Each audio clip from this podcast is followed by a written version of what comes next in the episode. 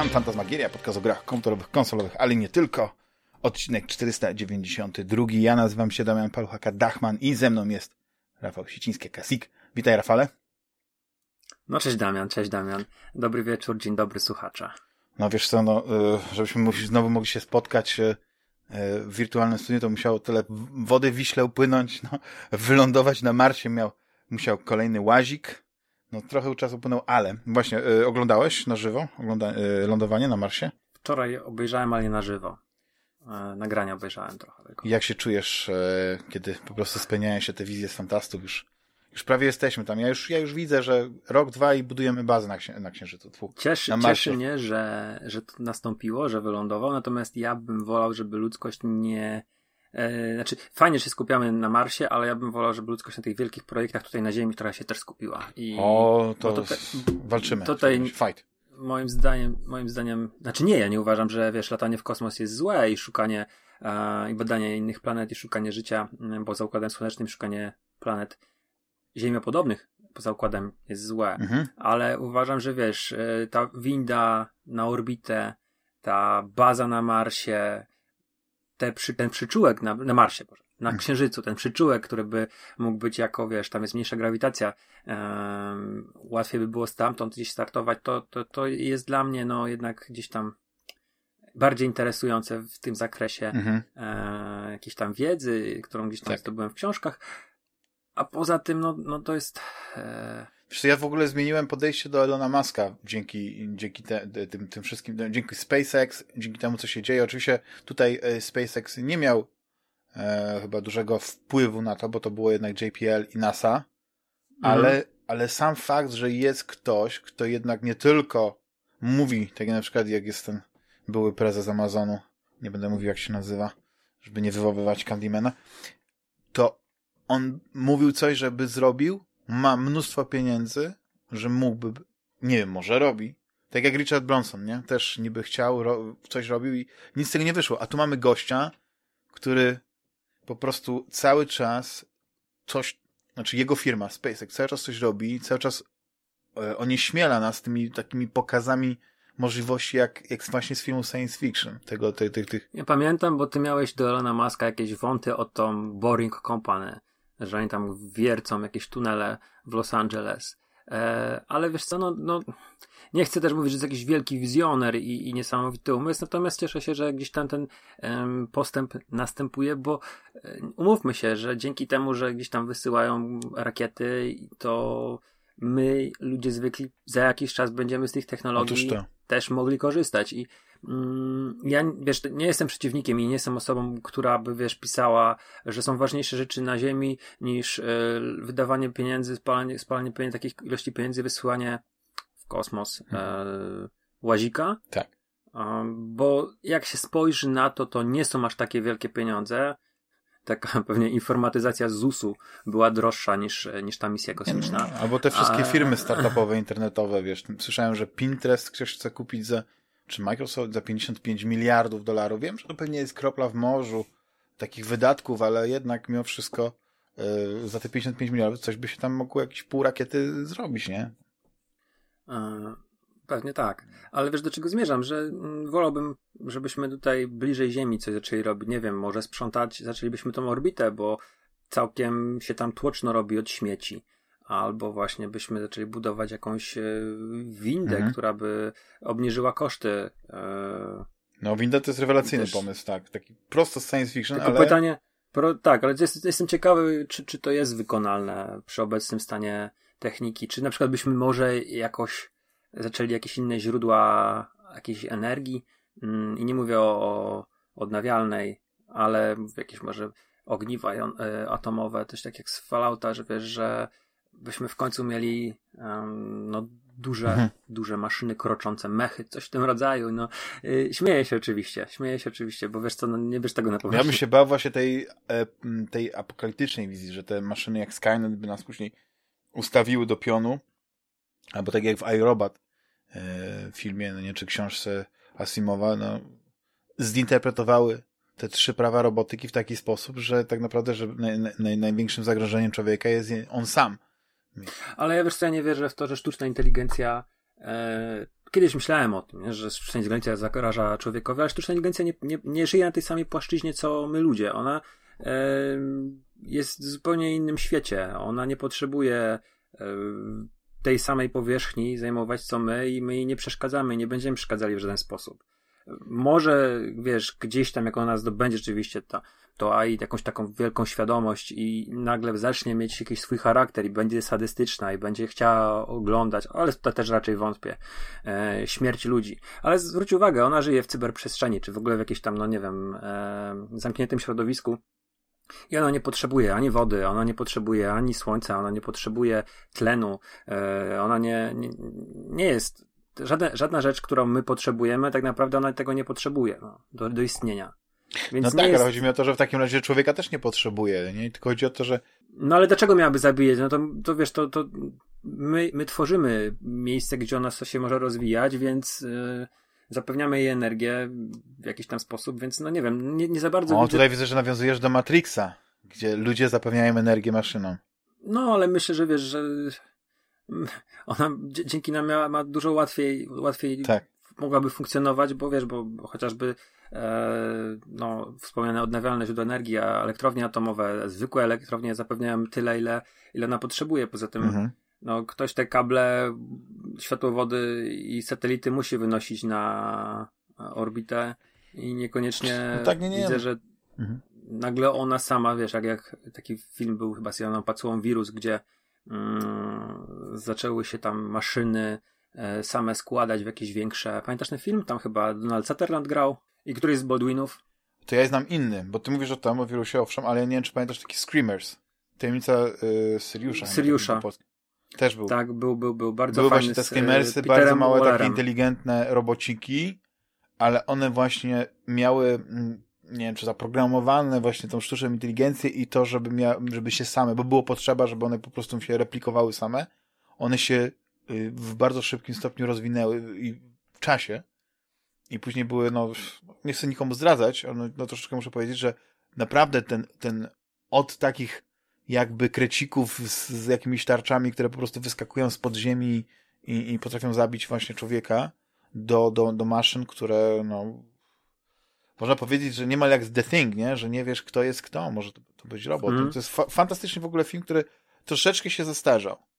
Jak dzisiaj byś go oglądał, to, to na pewno uderzą cię pewne mm, efekty komputerowe, czy tam jakieś takie rzeczy wiesz, nie, nie, nie najlepiej wyglądające i że to jest taki, o, teraz można powiedzieć, że prosto na DVD, ale ja to widziałem w kinie i tam była taka scena, gdzie y, takiej walki w, w czymś w rodzaju takiego kanału, nie wiem jak to nazwać, i te uderzenia tych, tych musiałem dużo zdradzić, ale te uderzenia podczas tej walki były tak dudniące, taki, takie przejmujące. Ja w ogóle oglądałem to, ja byłem przerażony. To, to jest jakiś, w jakimś stopniu horror, ale być może właśnie, mm -hmm. no nie pamiętam tego aż tak dokładnie, ale zrobił, ale pamiętam wrażenie, jakie na mnie zrobił. To jest fantastyczny film. I większość rzeczy, jeśli chodzi o sztuczną inteligencję i o to zagrożenia, no oczywiście to, to, ta wizja, ciemna wizja, no ona pochodzi z filmów.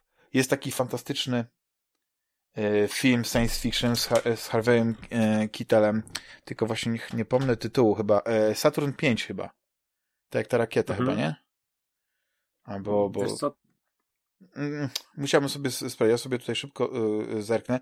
To był, to był film, który um, akcja działa się właśnie chyba na, e, w bazie na, na Księżycu. E, to znaczy, wiesz co, ja kojarzę Saturn 3 no. z, Douglas, z, z, tym, z e, Kirkiem Douglasem, dobrze? To jest tak, tak, przepraszam, a... właśnie przekręciłem. Widzisz, bo Saturn 5 to jest rakieta, a Saturn 3 to jest ten z, z 80 roku e, film właśnie. Z Farą Fawcett, tak. piękną tam. To jest niesamowity film w ogóle. A tam rzeczywiście, masz, rację, tam Harvey Keitel grał, ja w ogóle nie skojarzyłem tego, masz rację, tak. To jest fantastyczny film.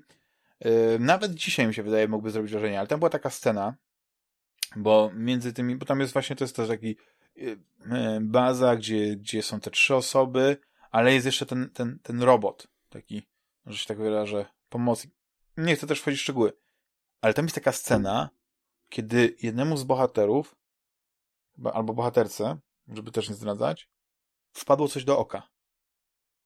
I ten robot tymi takimi, że się powiem, rękami, dłońmi, które są po prostu jak kombinerki tak naprawdę, e, a nie jak jakieś precyzyjne, wiesz, e, palce czy coś w tym stylu, szybkim takim ruchem, wiesz, ustawia najpierw to oko i później to wyciąga. To była taka scena, wiesz, mhm. ja nie mogę przecież. Bo ja jeszcze byłem wtedy takim, wiesz, yy, może to pies andaluzyjski albo coś, że wydawało mi się, że oko jest jak jajko. Że po prostu przebijesz to i, jak, i to oko ci się wyleje, jak, jak, jak, jak żółtko. I ja miałem po prostu taką wizję, że coś takiego po prostu zaraz się stanie na ekranie. Fantastyczny film e, science fiction. Oczywiście, no, jakby dalej sięgnąć, to oczywiście e, ta, Odyseja Kosmiczna 2001 i, i, i HAL. No. Wiesz, no, jakby boimy się tej sztucznej inteligencji, a trochę nie znamy, ale ja myślę, że to, co teraz widzimy, znaczy no, te, wszystkie algorytmy, które nam podpowiadają, co oglądać, jak oglądać, yy, wiedzą za nas, co my zrobimy, co lubimy, co nam się spodoba. Wiesz, yy, to jest jakiś ekwiwalent tej sztucznej inteligencji i na pewno gdzieś tam w jakiejś przyszłości ta sztuczna inteligencja posłuży do tego, że ludzie przejdą do takiego naprawdę hedonistycznego stanu. I mam nadzieję, że ten stan hedoniczny tak naprawdę to będzie coś w stylu Star Treka, czyli jesteśmy w przyszłości, w której rozwiązane wszystkie właśnie problemy, jak głód, jak, jak, y, jak bezpieczeństwo, wiesz, no, wszystkie takie przyziemne rzeczy, które cię, wiesz, zlikwiduje się pieniądze, bo te pieniądze nie będą potrzebne, każdy może robić to, co chce, a jednocześnie jest w ludziach potrzeba jakieś takie ambicje, żeby to też tak nie, żeby nikt nie, powiedzmy, nie zgnuśniał w tym, w tym tej, tej próżności takiej, która wynika z tego, że ni, o nic się nie musisz martwić, tak? Bo jednak ludzie potrzebują pewnie jakiegoś takiej motywacji, no nie? No czasami to jest to, żeby mieć dar nad głową i włożenie czegoś do garka. Ale ta przyszłość z taką rozwiniętą sztuczną inteligencją, no to powoduje tak, że tak, nie musisz się uczyć jeździć samochodem, będziesz miał e, samochód, który będzie sam za ciebie jeździł. Być może nawet nie będziesz miał mieć samochodu, bo to będzie jakiś jeden samochód na osiedle, bo nie każdy przecież cały czas korzysta, wiesz, ten taki sharing będzie, sharing is caring. I, I tak naprawdę wszystko będzie za ciebie. Nie, już teraz mamy jakiś tam, wiesz, nasz telefon jest naszym portalem, że my nie musimy rozwijać naszej pamięci. Bo ja nic nie muszę dokładnie pamiętać. Jak coś zapomnę, to jak teraz przekręcę nazwę e, filmu, to sobie szybko wygoogluję i od razu już wiem. I, i, i, i tu też bym widział jakieś zagrożenia. Wiesz o co chodzi, że, że chciałbym, żebyśmy ta, ta sztuczna inteligencja, ta przyszłość e, wiodła nas w kierunku Star Treka, na przykład nie e, nie wiem, e, Terminatora. No. ale to jest temat rzeka. Ja już widzę tutaj, Rafale, że odpłynąłeś, nie? że mówisz, kurde, co ten Damian gada. Miał być tak nie, przyjemnie. ale, ale a propos tego, co powiedziałeś o, o sprzątaniu kosmosu, to yy, nadziałeś się, tak że się brzydko wyrażę, na, na ten film Space Sweepers na, na Netflixie? Mm, nie, nie, właśnie jeszcze go nie obejrzałem. Koreański kino A co, science nie, fiction. Odradzasz? Odradzasz? Wiesz co, no to jest, to jest film jeśli podobała ci się ta wędrująca ziemia, chiński film. Nie obejrzałem jej. Okej. Okay. Jeśli nie, podobają ci się chińskie filmy rady. science fiction albo koreańskie filmy science fiction, gdzie jednak e, są pod, e, jeśli chodzi o wizualia, tak, o efekty specjalne, o to, jak jest przedstawiony kosmos, jak jest wygenerowany, jak te statki wyglądają i tak dalej, to jest super. Fabularnie Space Sweepers, no zupełnie do mnie jeszcze mówiły, bo to mi przypomina troszeczkę takie yy, takiego japońskiego RPGa, wiesz, taka historia właśnie, że jest jakaś dziewczynka mm. I, i ta dziewczynka zostaje odnaleziona właśnie przez tą grupę naszych kosmicznych sprzątaczy, którzy, którzy żyją z tego, że po prostu raz na jakiś czas gdzieś tam w tym kosmosie się trafi jakiś taki wrak czy coś, co mogą zdobyć i, i, i oddać na złom, o, że się tak wyrażę, nie? Więc to nawet nie chodzi o to, żeby sprzątać yy, orbitę z tych, tych, tych e, wszystkich nieszczęsnych yy, nieszczęsnych yy, pozostałych satelit i innych szczątków. Tutaj po prostu znajdujemy jakąś dziewczynkę, ta dziewczynka okazuje się być e, no, bardzo sympatyczna, mała, nie wiem, 6 lat może ma tak na oko, a jednocześnie to jest śmiertelna broń. Więc e, no, tak się to zaczyna, ale na pewno są osoby, którym to, ten film przypadnie e, do gustu, nie? Więc... Ładnie zacząłeś tym Marsem, lądowaniem na Marsie, bo ja bardzo niewiele oglądałem od ostatniej naszej rozmowy. Mm, I nie mówię o tej podcaście z Rysławem e, podsumowującym, ale tej wcześniejszej, którą mieliśmy w grudniu. I tak naprawdę jeden z takich, e, znaczy kilka widziałem filmów, a jeden tak dosyć mocno zapadł w pamięci też jest o Marsie. E, japoński Terraform Mars Takashiego Miike. To jest e, to jest ekranizacja chyba albo mangi, albo aktorskie podejście do e, anime, ale ten film jest e, absolutnie nieudolny i, i chyba jest. jedną z najbardziej pokracznych japońskich rzeczy, jakie widziałem, a widziałem naprawdę dużo takich chłamowatych ich filmów. Um, wiesz, jest XXVI wiek, Ziemianie w XXI wieku wysłali algi na Marsa i żeby tam mhm. Y, zacząć kolonizację i no niestety ekspedycje z Ziemi, z tego Marsa nie wracają, urywa się kontakt, więc y, ekipa mm, zostaje wybrana z różnych dziwnych typów ludzi, którzy sami się zgłosili, albo jakichś przestępców. Mm, zostają terrorystów, zostają wysłani na tego Marsa, no i się okazuje, że tam y, na tym Marsie panują inteligentne, bardzo szybko adaptujące się człowiekokształtne karaluchy. więc e, ci, ci, ta ziemska ekspedycja sobie tam wstrzykuje w jakiś rodzaj mutagenu DNA takiego szybkiego i też z, zmieniają się, bo się jak okazuje korporacja, która ich tam wysłała, doskonale sobie zdawała sprawę, że wiesz, że tam są gigantyczne, super silne, latające karaluchy, więc im aplikują sobie taką, takim jakby rozwój mutagen i zmieniają się w owady, e, też człowiekokształtne, które akurat sobie potrafią poradzić z karaluchami, a to osa jakaś, a to jakiś żuk i, i, i mamy Power Rangers na Marsie. O, ja miałem nadzieję, że będzie coś w przypadku Marsjanina, tylko oczywiście może z jakimś takim w, innym, w innej perspektywie, bo trochę się naciąłem, jest mnóstwo takich jakichś seriali z misjami na Marsa, jakieś takie, te, i one, żeby zaciekawić też ludzi, którzy się nie interesują fantastyką naukową, pokazują tą ludzką stronę tych misji. Kiedy e, tak naprawdę to nie jest misja na Marsa, tylko to jest Big Brother w rakiecie. I mnie to strasznie męczy, bo przecież ten Afterlife, ten taki świetny, świetny pomysł, gdzieś tam w zalążku, to tak naprawdę to był, jak to, ja to zawsze powtarzam, nie wiem kto to powiedział, że to jest prawda, ekipa z War, Wars of Shore została wysłana na najważniejszą misję dla ludzkości, no nie? I to jest, to jest... A to nie ty powiedziałeś? Nie, nie, ja to powtórzyłem, bo gdzieś to przeczytałem okay. w internetach. I, I też to przeczytałem od kogoś, ale to mi się tak podoba, że to biorę na siebie. Znaczy nie, że na siebie, tylko winę na siebie, że nie potrafię y, przypisać y, zasług twórcy tego, hmm. tego, tego Nie, nie, tutaj nie ma Big Brothera, tutaj jest Power Rangers. E, ta załoga, ludzie bardzo szybko giną jeden po drugim w dosyć mm, no, makabryczny sposób, ale raczej zabawny, bo to jest taka tak, tak przerysowane i tak groteskowe, że się mhm. człowiek o tym śmieje. I ten film jest zabawny w taki, mm, ja myślę, zamierzony sposób, ale jest, jest pokraczny. No to jest, to tak. jest, on był kręcony w Nowej Zelandii, nie w Nowej Zelandii, on był na Islandii e, kręcony. To był pierwszy japoński film kręcony tam. I e, niestety zdjęcia promocyjne, które można obejrzeć na Internet Movie Database nie do końca sprzedają e, to, z czym mamy do czynienia. Raczej mm, dla, dla koneserów takiego naprawdę mocnego, serowego kina to jest.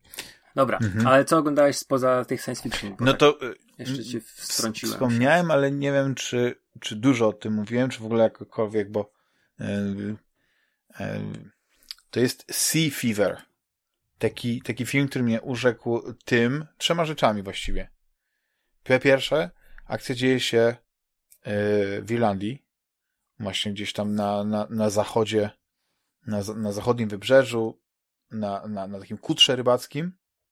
Po drugie, użyto w opisie, że to jest e, miks, znaczy nie miks, ale że jeśli podobało ci się, e, że to jest taki, ojejku, nie, nie wiem jak to powiedzieć, ale nawiązano, że jeśli spodobało ci się e, otchłań, że jeśli spodobało ci się coś Carpentera, mhm. to, to ten film może przy, przy, E, przypaść do gustu.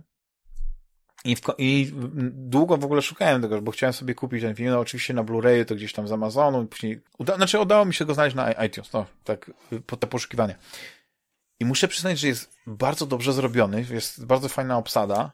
E, w większości przypadków tam jest e, dużo mało znanych aktorów, ale jest Connie Nielsen, którą bardzo lubię od czasów Adwokata Diabła to pewnie, e, pewnie kojarzysz taki, taki mały film z Keanu Reevesem.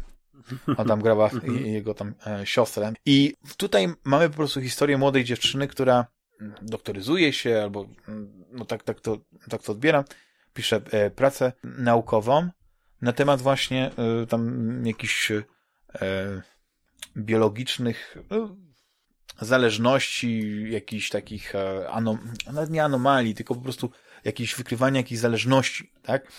I żeby tą, tą pracę napisać, to wybiera się właśnie na ten kuter e, razem z tymi rybakami. Oni są oczywiście przyciśnięci trochę do muru ze względów finansowych, więc e, normalnie by takiego pasażera dodatkowego nie zabrali.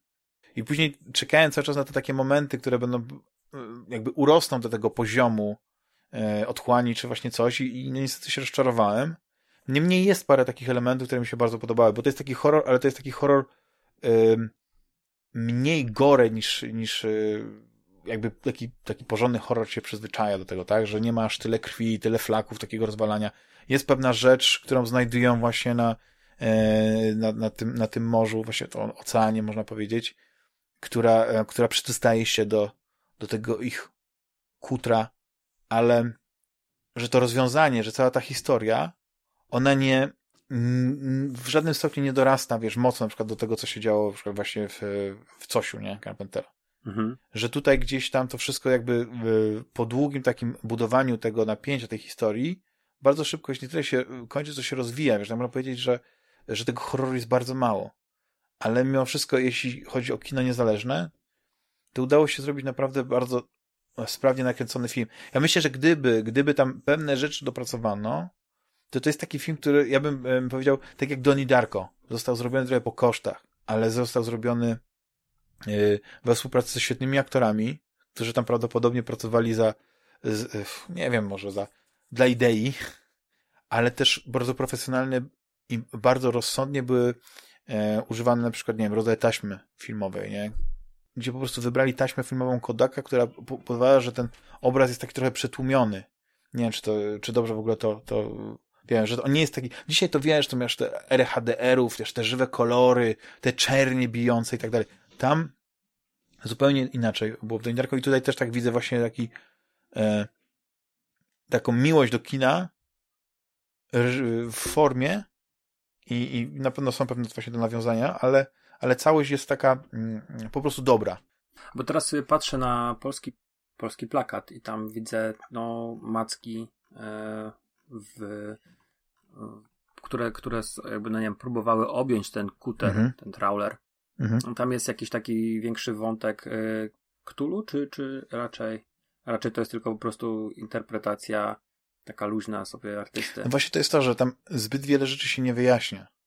Tam, e, tam właśnie jest taki moment, że ten skuter, e, skuter, przepraszam, kuter rybacki, no jest, tak jak mówię, przyciśnięty, że ta sytuacja jest że bardzo im zależy, żeby mieć świetny połów i okazuje się, że jest jakaś tam strefa, która jest wydzielona, oni dostają komunikat radiowy, że tam nie mogą płynąć.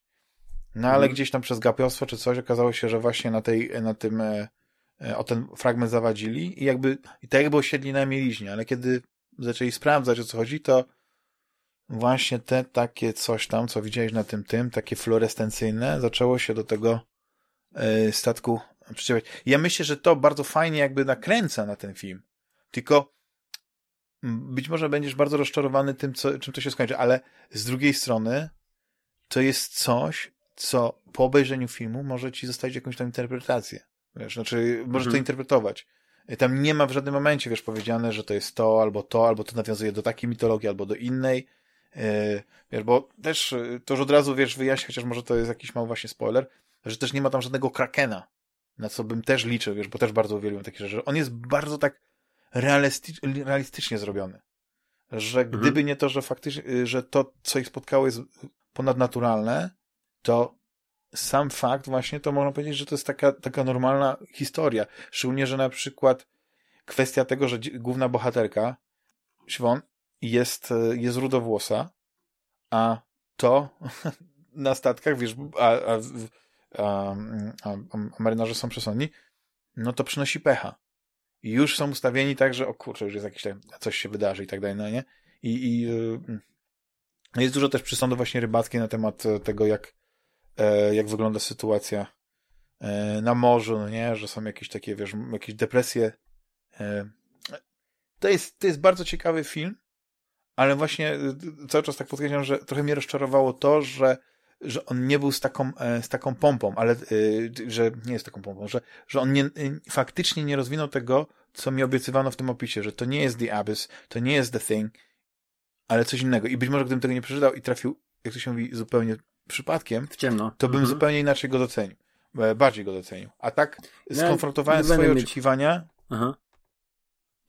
Więc jakbym mógł obniżyć komuś, wiesz, e, poprze- poprzeczkę, żeby tak troszeczkę mniejsze te oczekiwania, ale żeby właśnie jednak miał wszystko zobaczyć ten film, to ja go polecam.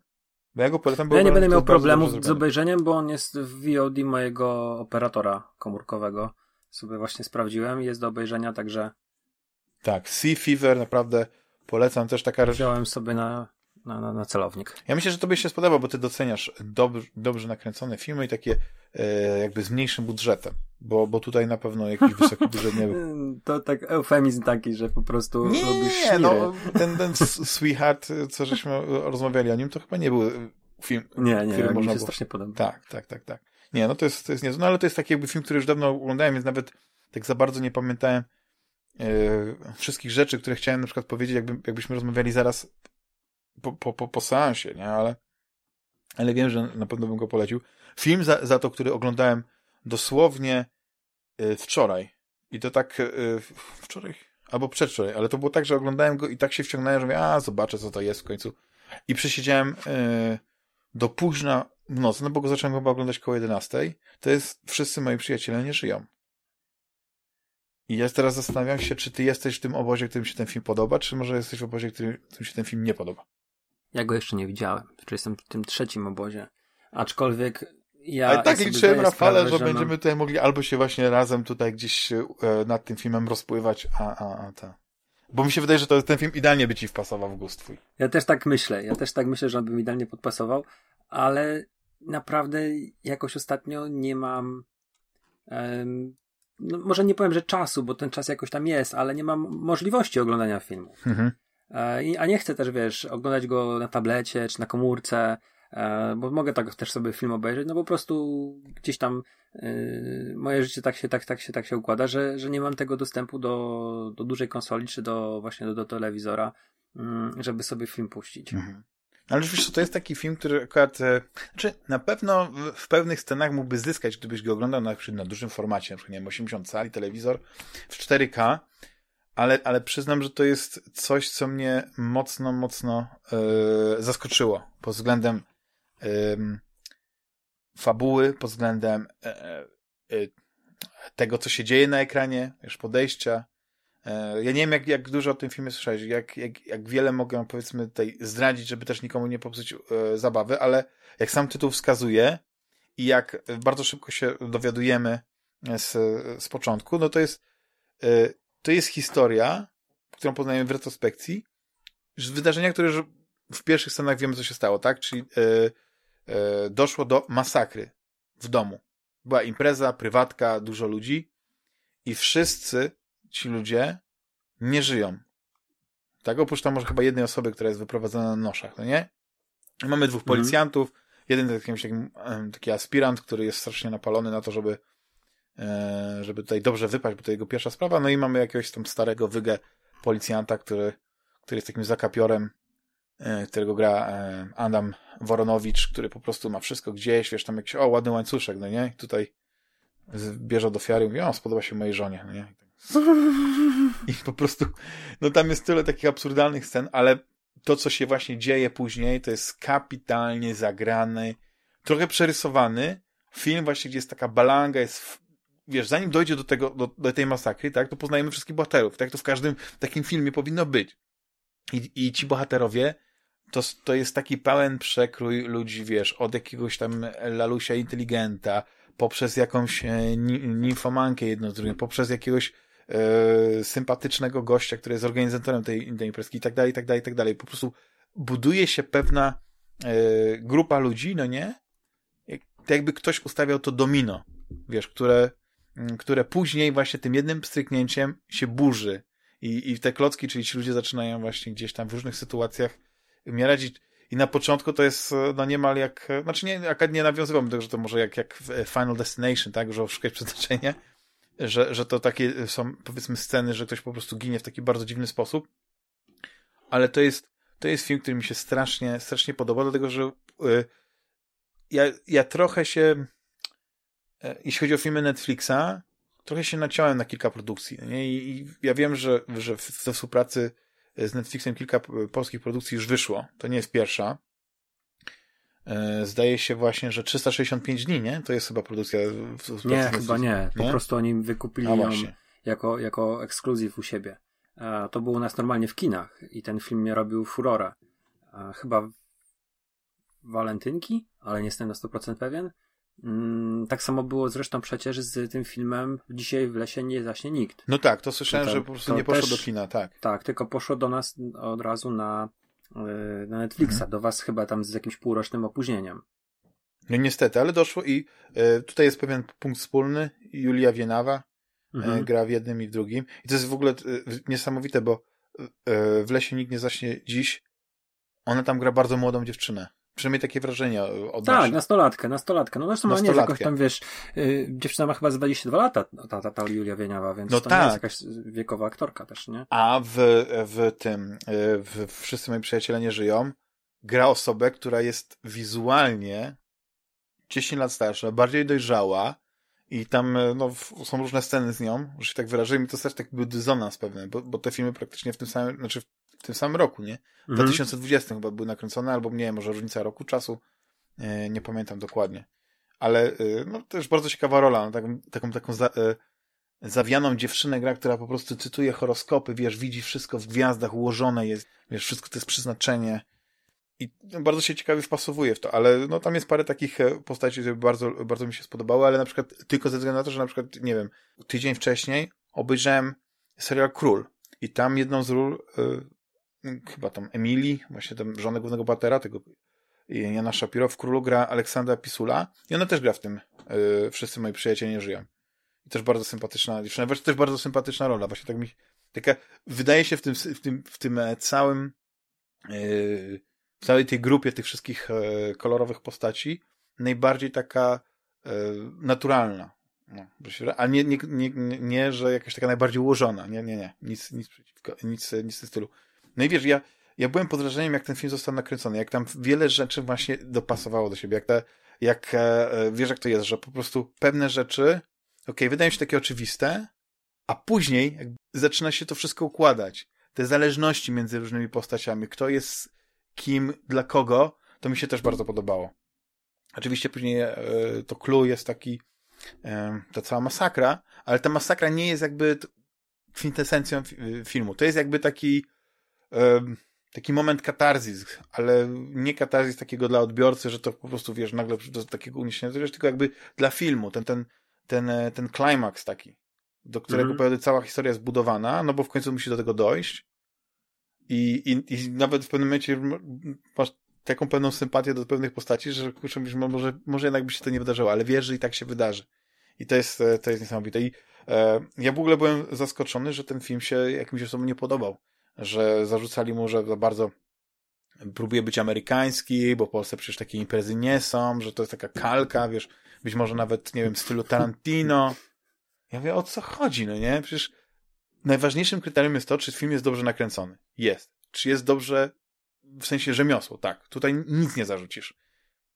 Jak są bohaterowie e, pokazani, e, jak zagrali, no, wiesz, no, nie każdy gra tam Oscarowo, ale przyznam, że y, nie mogłem się przejść z żadnej osoby. Wiesz, nic mi nie pasowało. Nawet, no, kapitalnie jest w ogóle e, e, przedstawiciel chyba, nie świadków Jehowy, przepraszam, Mormonów, który no, pojawia się na tej, na tej e, imprezie bardzo przypadkowo, ale ma bardzo ciekawy e, wątek. No i to jest, to jest tak niesamowite, że, że Polacy potrafią nakręcić coś więcej. Oczywiście to jest bardzo e, ogólnikowe, ale ja jestem przyzwyczajony do tego, że jak oglądam jakiś polski film, to przeważnie to jest jakieś Planeta Singli, Listo do M, wszystkie twoje najkochańsze i tak dalej, nie? Wiesz, tak same takie komedie romantyczne, które jakby Polska tymi komediami romantycznymi w, no, zdobyła rynek oczywiście polski, tak jak zdobyła muzyką grając disco polo. I to jest taki świat, wiesz, piękny, cudowny, ludzie mieszkają w wielkich apartamentach, Warszawa, przeważnie, no nie, cudowne życie, karierowicze, no nie, gdzieś tam, prawda, jeszcze ten element tego wątku miłosnego i tak dalej. A tutaj mamy film, który jest po prostu e, świetny i e, żaden amerykański świetny reżyser takich, tego typu filmów by się nie, nie powstydził. Wiesz, no to jest gdzieś tam, jakbym miał porównać na przykład e, jaka to liga jest, to może wiesz, dla nas, e, dla polskiego kina to jest bardzo wysoka liga dla, w moim odbiorze, a jakbyś sobie to porównał do takiego filmu, do tych filmów amerykańskich, to gdzieś tam by to było może na poziomie tej opiekunki, nie? Ten babysitter, mhm. tak? Czyli, mhm. czyli y, jakiś tam slasher, ale wiesz, poziom wyżej. Też yy, dobrze tak. Dlatego mm, no bardzo ubolewam nad tym, Rafale, że nie widziałeś tego filmu, bo ja bym chciał właśnie poznać twoją opinię i razem moglibyśmy się na, nad tym filmem e, gdzieś tutaj rozpływać.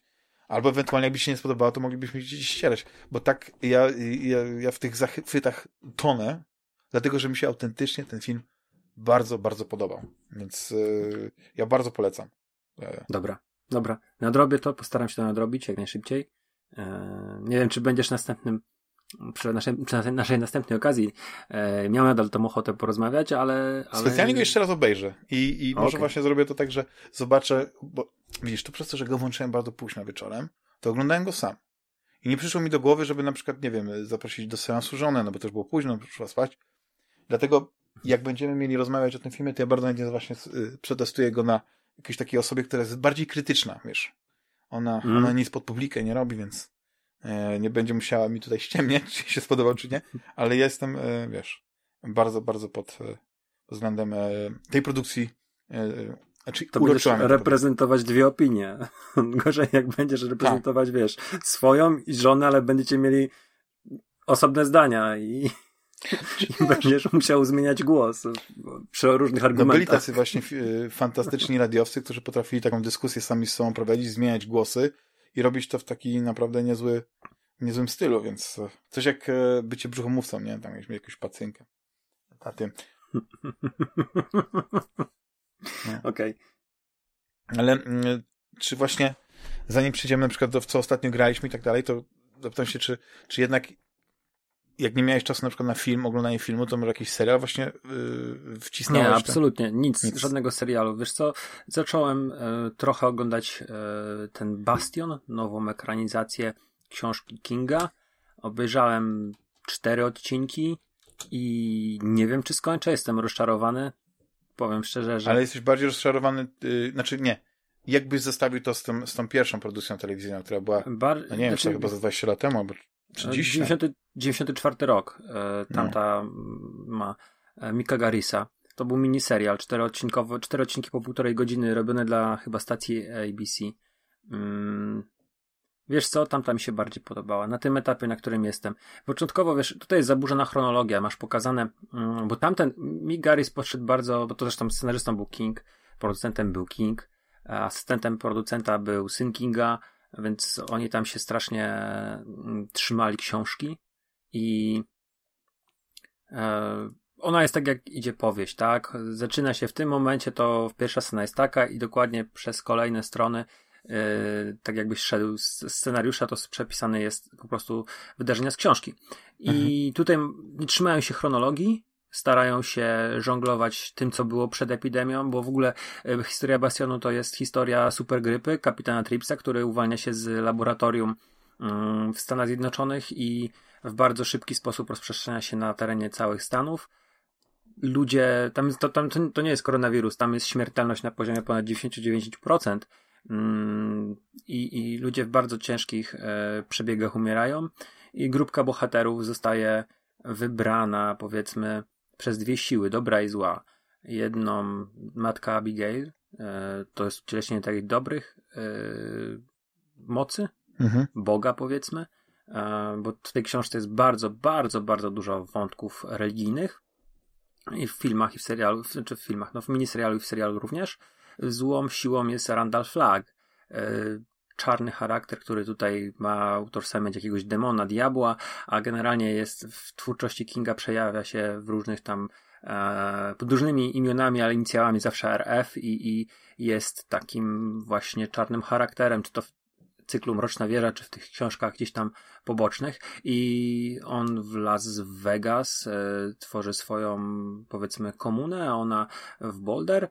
Mm, i powiem tak, e, bardzo fajnie zagrany, ale dla mnie totalnie bez polotu. Nie wiem tak dlaczego... jakbyś go zostawił z, z, z ekranizacją Under the Dome. To lepszy o Jezu, Under the? Dome to, no to lepszy jest, zdecydowanie, to jest zupełnie inna liga, bo Under the Dome to w pewnym momencie to jest po prostu e, najgorszy ściek, to jest, to jest jeden z najgorszych seriali, jakie jest ja niesamowite, jak oni widziałem. tam z każdym sezonem coś nowego wprowadzali, zupełnie odlecieli już w ogóle, oni już w pierwszym sezonie odlatywali od tej od książki, to tam jakoś też specjalnie jakiejś głębokiej, y, tam głęboka nie była, bo tam bardziej chodziło o, o zaprezentowanie tej społeczności, Mhm. niż to, niż tego elementu paranaturalnego, skąd się wzi- wzięła ta kopuła i tak dalej. Ale to, co jest w serialu Under the Dome, ja to oglądałem dla Becky i w pewnym momencie byłem normalnie y, pod wpływem tego serialu strasznie. Naprawdę. Mhm. Prze- ale, to, ale jak mówisz, że jest Bastion lepszy, no to chociaż tyle, no. Nie, no Bastion, Bastion naprawdę ma do, dobre sceny, jeżeli chodzi o gore, dobrze trzyma napięcie momentami, tych pierwszych odcinkach lepiej niż później, ale nie wiem, czy, czy, czy to jest kwestia tego, że on jest tak napisany, czy po prostu może e, to jest kwestia twórcy, czy showrunnera, powiedzmy, osoby, która odpowiada za ten serial, bo to jest Josh Boone, Mhm. to jest facet, który zrobił Nowych Mutantów z takich bardziej e, znanych filmów.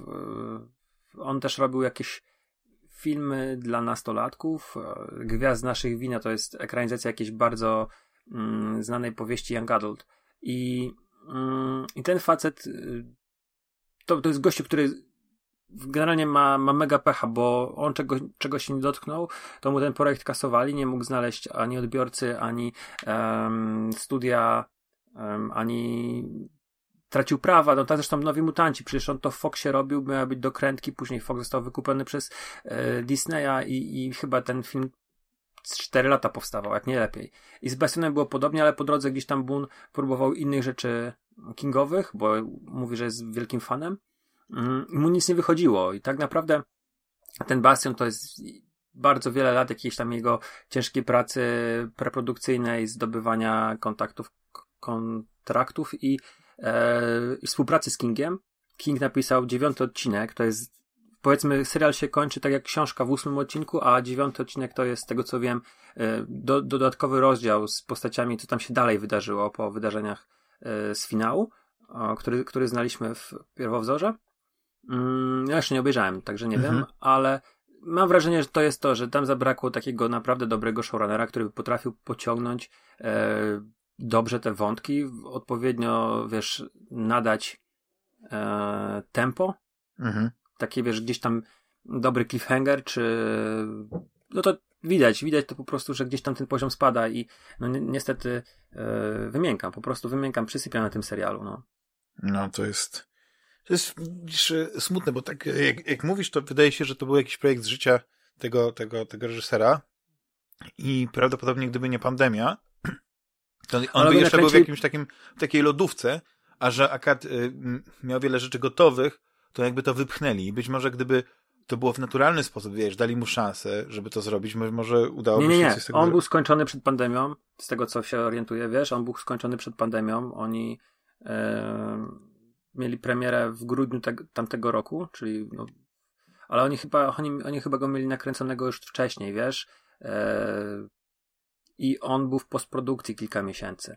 Mm, Myślę, że on też był trochę opóźniony ze względu na pandemię, bo przecież jak wybuchł COVID, to wszyscy pisali, no nie znalazłbyś serwisu, który nie porównywałby COVID-u do właśnie kapitana Tripsa z, Mhm. z Bastionu. Tam to był, no przynajmniej na taki pseudo-news trafiłem kilkanaście razy.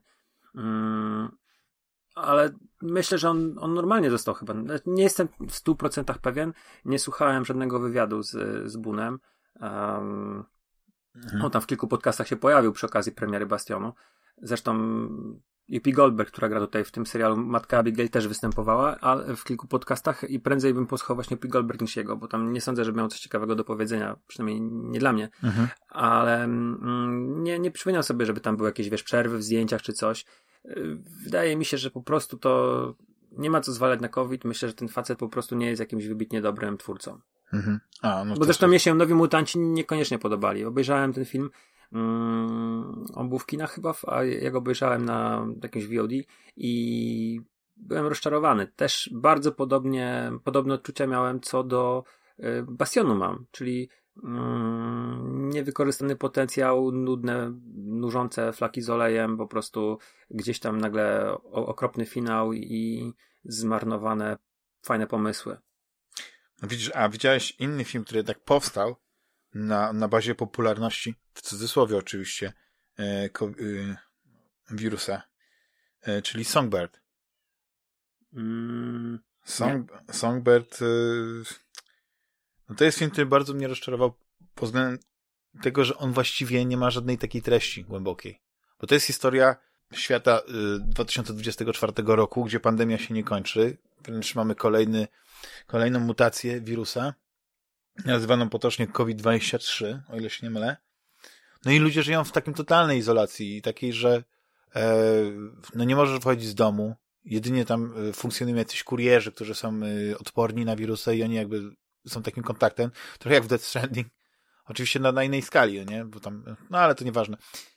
I patrzysz na to, tak się zastanawiasz, czy to ma krytykować na przykład te lockdowny i to, jak się ludzie zachowują w tych lockdownach, czy w ogóle sens tych lockdownów i tego wszystkiego, tego podejścia, czy w drugą stronę, nie? Krytykować ludzi, którzy y, oporują tym wszystkim, wiesz, decydują. No i to, to jest y, taki dziwny, dziwny film, bo tam w ogóle w jednej y, z ról y, jest um, jak się nazywa ten aktor? Ojejku, ale mam teraz dziurę w pamięci. Jakaś inna rola. On grał tego Nemezisa z, z Blacklist na przykład. Blacklist, a taki mm, europejski aktor. Y, dobra, jest, mam, sorry. Peter, y, Peter Stormare. Storm Mhm. Air. Storm, Stormer? Stormare, Ale- ja czytam. Tak, tak, tak. No ale kojarzysz gościa, nie? On tam, i, i że on grał w Szatana, na przykład w Konstantin. On grał e, tego, tego rosyjskiego kosmonautę w Armagedonie. Tak, Yy. tak, tak. W Prison Breaku w wielu, wielu filmach. E, To jest taki bardzo charakterystyczny tak. e, Szwed, aktor. tak, tak, tak, Tak. jasne, kojarzę, pewnie. No, no, a On nawet grał ostatnio- Swedish Dicks jest taki właśnie e, s- serialo film chyba z nim. W amerykańskich bogach chyba ostatnio go A widziałem. też, też. Mm, Czarnoboga chyba gra tam. No. I wiesz, że gość jest kapitanem, którym ja go uwielbiam. I, I on tutaj gra po prostu takiego gościa zmanierowanego, który, który jest właśnie odporny na tego wirusa i, i, i steruje taką organizacją, która niby, niby zajmuje się tam, prawda, tą kwarantanną i tak dalej, a tak naprawdę to jest niemal organizacja przestępcza. Ale, tak mówię, to jest zmarnowany potencjał, bo ten, tak mówię, no to jest film, który, który odwołuje się do tego, wiesz, gdzieś tam jeszcze nawet podsyca te lęki, do tego, jak to może wyglądać, a tak naprawdę nie, nie, nie wnosi do, do, do tej rozmowy o tym y, jakby czegoś nowego. I tutaj jaka jest kwestia, czy, czy, to, czy, film powinien, prawda, wnosić do, do jakiejś takiej, y, do tej konwersacji, do tego, do tego dyskursu społecznego coś na zasadzie jakiegoś takiego ko- kolejnego wątku do dyskusji, nie? Czy, czy, czy to jest jakby realistyczna wizja e, świata? No, wygląda, że, że może nie, ale ale wyobrażam sobie, że właśnie y, gdyby tak zostawić właśnie taki bastion z takim Stonebardem, to właśnie tak, tak, tak by to wyglądało, że, że y, ten wirus, bo, ta mutacja, która jest właśnie w Songbird pokazana, to jest taka mutacja, która faktycznie y, bardzo szybko działa i, i, i y, no, nie, nie, nie patyczkuje się z, z, z ludźmi. Nie? Więc to jest, to jest ciekawe. No ale mi się wydaje, że jeszcze parę lat upłynie i będzie, będzie więcej jakichś takich tych. Tylko mam nadzieję, że to będą bardziej niż, bardziej jakieś takie ciekawe filmy, kinowe, być może, gdzieś to się to uda zrobić, niż jakieś takie dramaty telewizyjne. Że historia ludzi, coś takiego, wiesz, jakieś dramaty, taki, taki, że niby serial. No, nie wiem. Ja lubię po prostu, no jak- jak, tematy właśnie takie katastroficzne są wykorzystane do tego, żeby właśnie ludzi troszeczkę ustawić, przestrzec. Tak na przykład, nie wiem, Greenland. Taki film. Właśnie czytałem gdzieś e, wpis y, Joe Rogana, taki podcaster i komik, nie wiem, czy słyszałeś? I właśnie mówisz, że wstrząsnął nim po prostu ten film.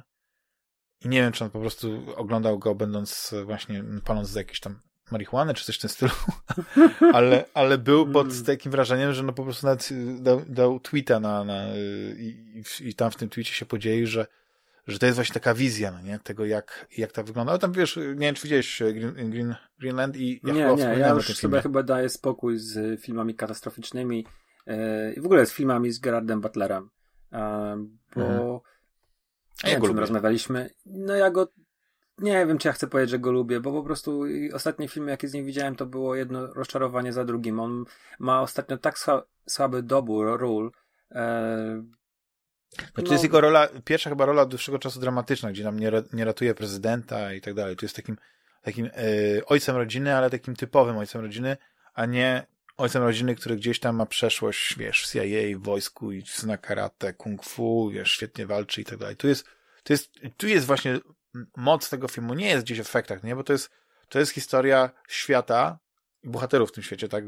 Rodziny tego Gerarda Butlera, gdzie ma dojść do e, katastrofy, kataklizmu.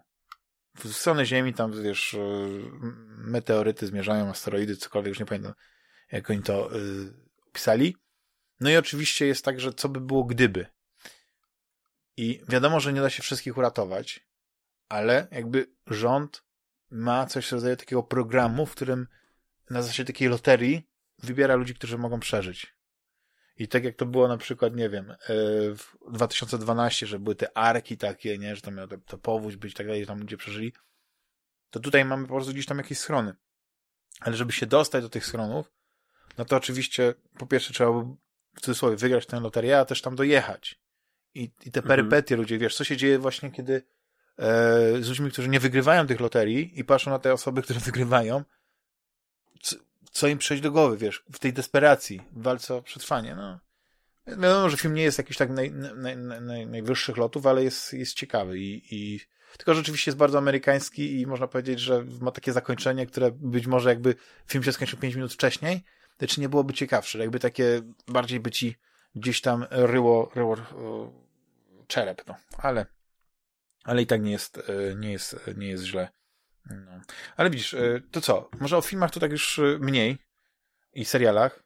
Ja rozumiem, że nie polecasz Bastiona, ale można obejrzeć, tak? Ciężko mi mówić po czterech odcinkach. No nie, no Mnie po czterech odcinkach, no to wiesz, rekomendacje, to wiesz, takie pierwsze wrażenia. No. Mm. Podzieliłeś się nimi, no więc e, po tych czterech wrażeniach, znaczy czterech odcinkach jeszcze nie jesteś w stanie Daj, powiedzieć, dajcie, czy warto dajcie, inwestować. Dajcie szans pilotowi. Jak będziecie mieli możliwość, obejrzyjcie pilota, jeżeli podejdzie wam takie przedstawienie akcji, bo ono jest mm, no niektórym nie podchodzi, no, chociażby to właśnie ta, e, ten brak chronologii, to takie skupienie się w jednym odcinku na, na powiedzmy dwóch postaciach, na przemiennych wątkach, na przemiennych czasach. Jeżeli wam podejdzie taki sposób narracji, to, to oglądajcie dalej, ale no jest, moim zdaniem, im dalej, tym gorzej jest. Nie hmm. wiem, właściwie ten poziom, nie wiem właśnie w jakim aspekcie spada, nie umiem tego tak dokładnie określić, ale z odcinka na odcinek oglądam się go zdecydowanie gorzej, gdzie ten pierwszy pilot był naprawdę bardzo fajny. Byłem zadowolony z tego, jak to wyglądało. No, czyli... Także to, to, to nie wiem, czy to jest rekomendacja, taka raczej przestroga. Przestroga. No i, i, i dobrze, i dobrze. Yy, drogi Rafale, czy skusiłeś się na paczkę komiksów z Humble Bundle? Nie. Nie, nie skusiłem jednak, się. Jednak kin, ten, francuski komiks nie, nie, nie do końca. Wiesz co... E... Wiem, że to wszystko o czas się bardziej rozbija niż, niż gusta, no, no ale... No, to, to, to raczej chodzi o czas. E, mhm. Mam dużo nawet komiksów, których w domu, których nie przeczytałem, um, więc raczej, mhm. jeżeli komiks to na papierze, raczej staram się nie używać tabletu czy, czy, czy komputera do czytania komiksów. Mhm. No, w pełni to A rozumiem. druga sprawa, że ja też się komiksami wymieniam, to znaczy mam, tak, mam taką możliwość, że kilku kumpli też czyta komiksy, czytamy różne, a właściwie inaczej, kupujemy różne rzeczy, wymieniamy się i, i w ten sposób to idzie, aczkolwiek ostatnio to tylko tak naprawdę jeden komiks przeczytałem od bardzo dawna. No ja tam nadrabiam y, właśnie taką komiksową kubkę wstydu, bo już kiedyś też pod wpływem takiego, takiego natchnienia nakupowałem e, wersji cyfrowej komiksu, później jeszcze doszła właśnie ta paczka. Ta paczka, oczywiście to są pojedyncze zeszyty, jakby liczyć, tam jest ponad 100 tych komiksów, nie?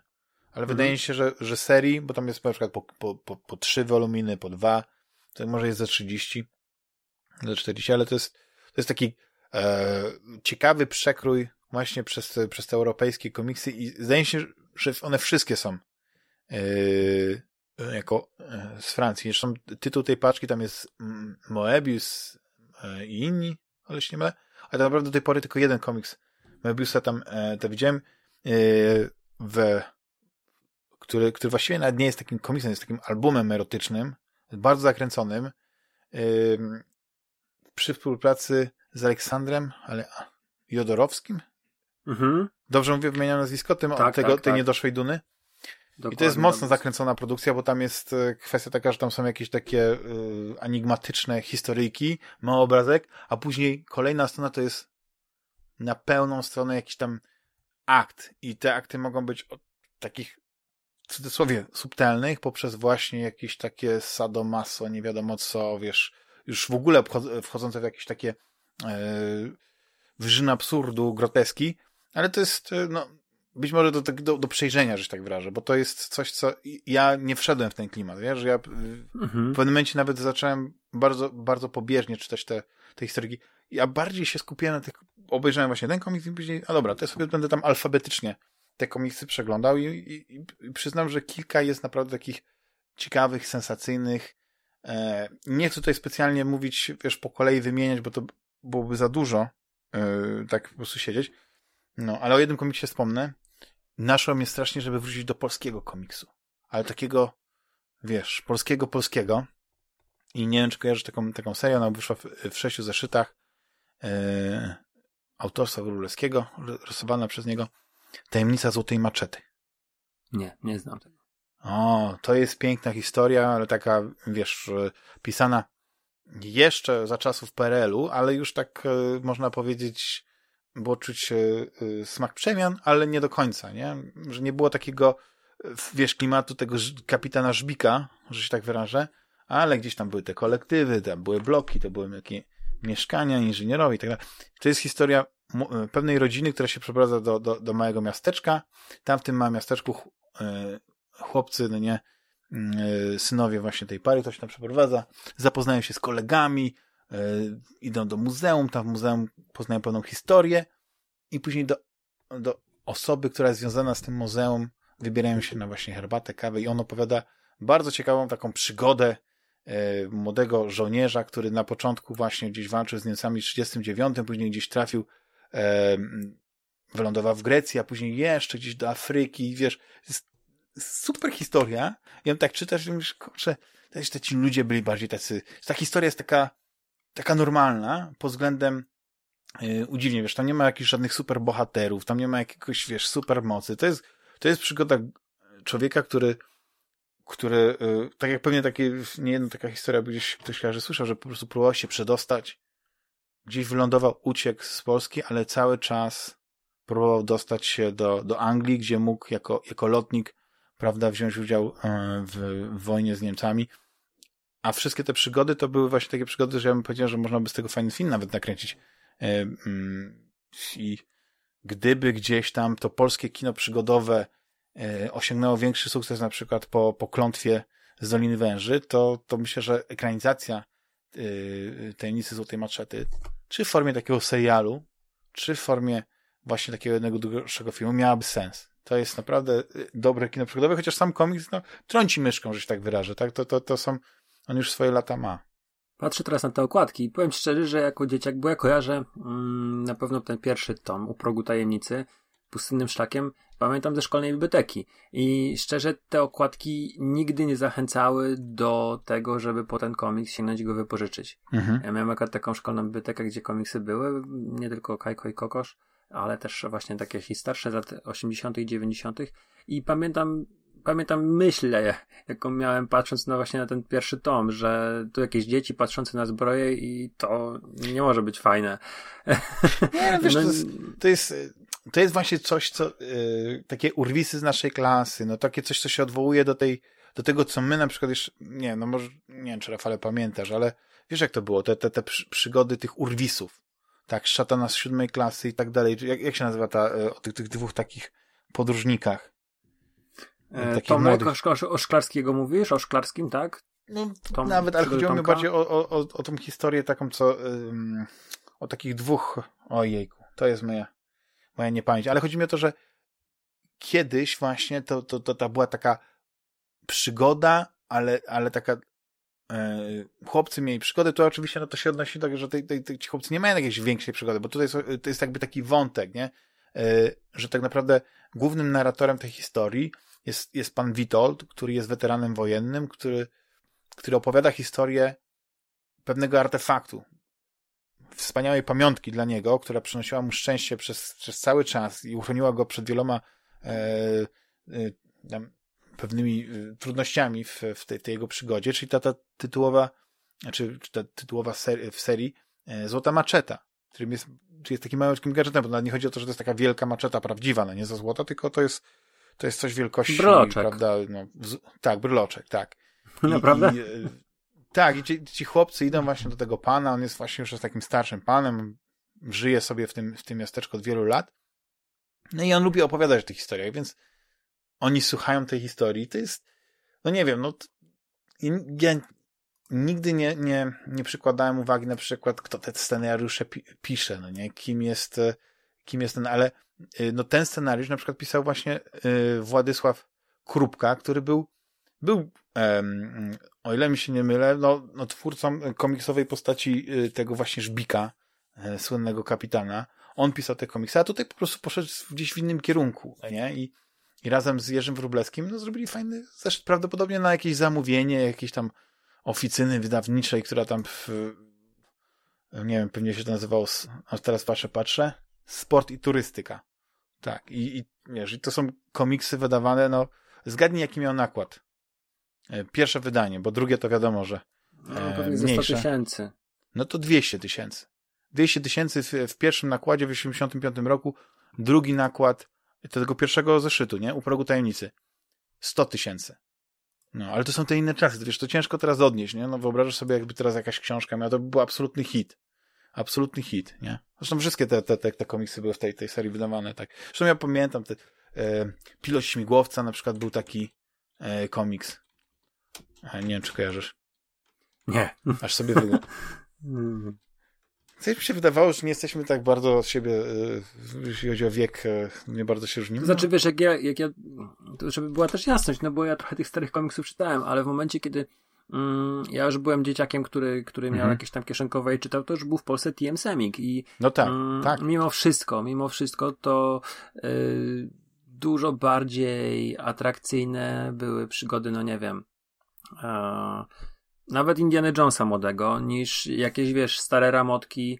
Um, nie, no oczywiście. Z, z tak, gorszymi tak. rysunkami, z gorszymi kolorami, e, niejednokrotnie.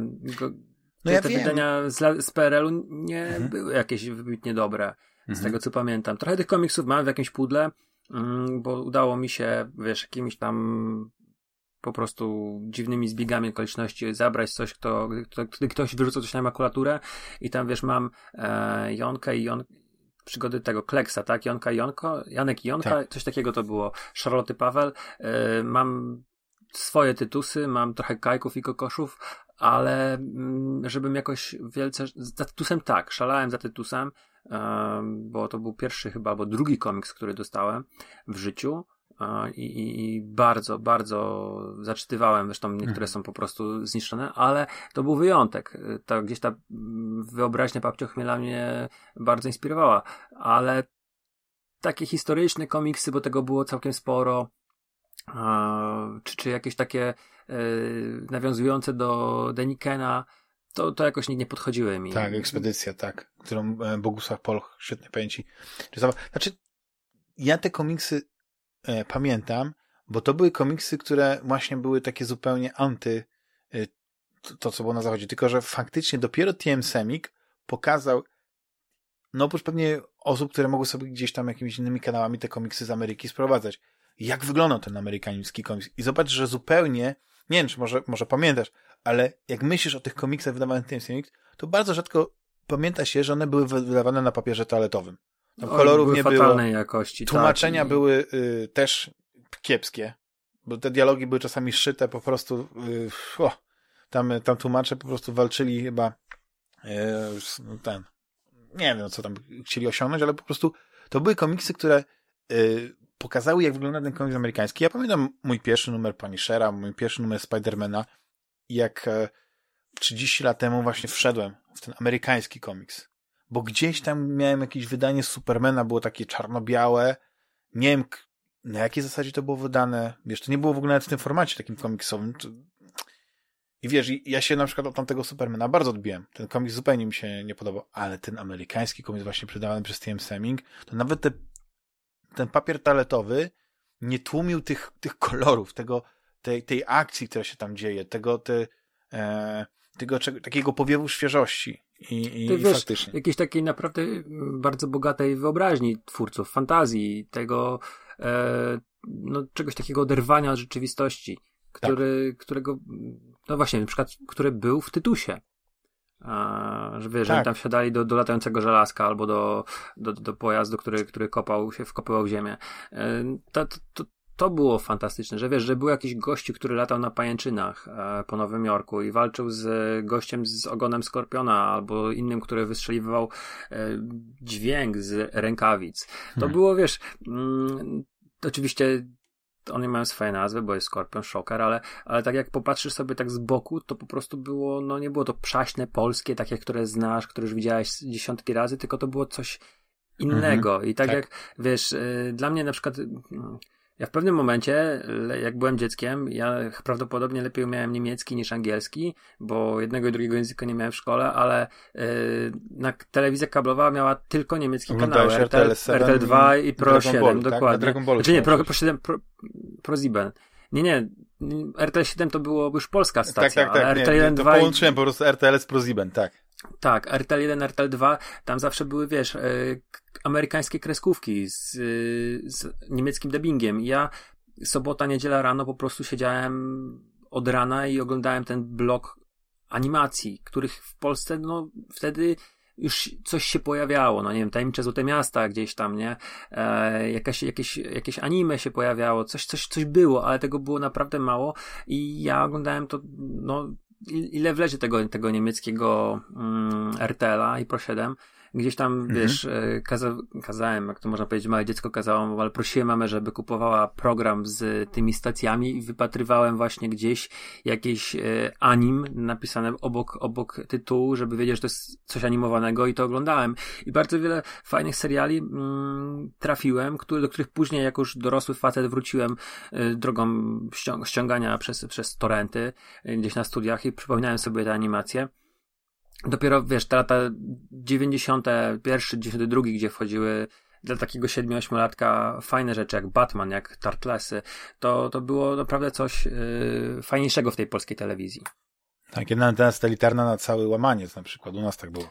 Cały, no, nas... cały, cały ten się składał, żeby właśnie jedną antenę podłączyć i kable rzucić na, na blok składający się, był łamany, nie? Mhm. Z, chyba z, z 10 klatek. Żeby oglądać właśnie te tartlesy. Dosyć szybko telewizja osiedlowa, wiesz, coś takiego, że gdzieś tam na, po, postawili e, anteny na wieżowcu, bo tutaj dziesięciopietrowce były. Postawili komplet anten satelitarnych i gdzieś tam jakaś taka właśnie była telewizja bardzo szybko. Także mhm. myślę, się wydaje, że ja umie... pamiętam, że to by mieliśmy Sky One, chyba RTL, o ile się nie mylę. Właśnie, nie, chyba ProSieben nie było i był Eurosport. Te, te trzy to na tak. 100% jest Nie pamiętam czwartego, bo to pamiętam, że były cztery kanały takie, że po prostu człowiek mówił, wow, inny świat, inny świat. A widzisz, jak, ale widzisz, jeśli chodzi o komiksy amerykańskie, ja miałem ten okres fascynacji komiksem amerykańskim właśnie dzięki TM Semik i oni wydawali naprawdę mnóstwo rzeczy i to jest fascynująca historia tego wydawnictwa, jak, jak to się stało, że w ogóle na, na polskim rynku zaistniało i tam jest chyba nawet taki, e, taka książka, album, który to opisuje, więc E, pewnie ktoś czyta, to wie o co dokładnie chodzi. Ja to nawet nie pamiętam tytułu, ale pewnie TM Semik w tytule tytułu tego, e, tej, tej, tej książki jest. Ale miałem tak, że wtedy nie byłem taki krytyczny, jeśli chodzi o te treści. Mhm. I łykałem wszystko. Kupowałem właśnie te Spidermany, kupowałem Batmany. No ale ty miałeś kupowałem... lat wtedy. Ile miałeś lat wtedy? No byłem nastolatkiem, no. No właśnie, miałeś 10-12 lat, jak oni wchodzili, dobrze mówię? No tak. No to, to, to co się dziwić, że... No nie, tak, nie ale to, a ja później to przez te 7-8 lat, e, ja to ostro kupowałem. Ostatni E, komiks TM który znaczy nie to, że kupiłem, co pamiętam, że y, nie miałem na przykład kompletu wszystkich wydań Batmana, nie miałem kompletu e, wszystkich wydań Supermana, Spidermana i tak dalej. Bardzo często na przykład były te niektóre serie kupowałem często, niektóre z doskoku, bo przecież były komiksy i były te turtlesy, ale te takie oryginalne, takie, nie wiem, czy pamiętasz, takie wydane, wydanie czarno-białe, krwawe, gdzie tam zabijają. Wszyscy mieli czerwone te opaski. Tak, ale to był taki ostry komiks. To był taki komiks, gdzie, gdzie to można powiedzieć, że oni byli jak Punisherzy, a nie jak, jak te żółwie ninja, które znamy z, z kreskówki. E, mieliśmy e, mnóstwo ekranizacji nie, komiksowych, znaczy mnóstwo adaptacji komiksowych, ekranizacji różnych filmów. Tak?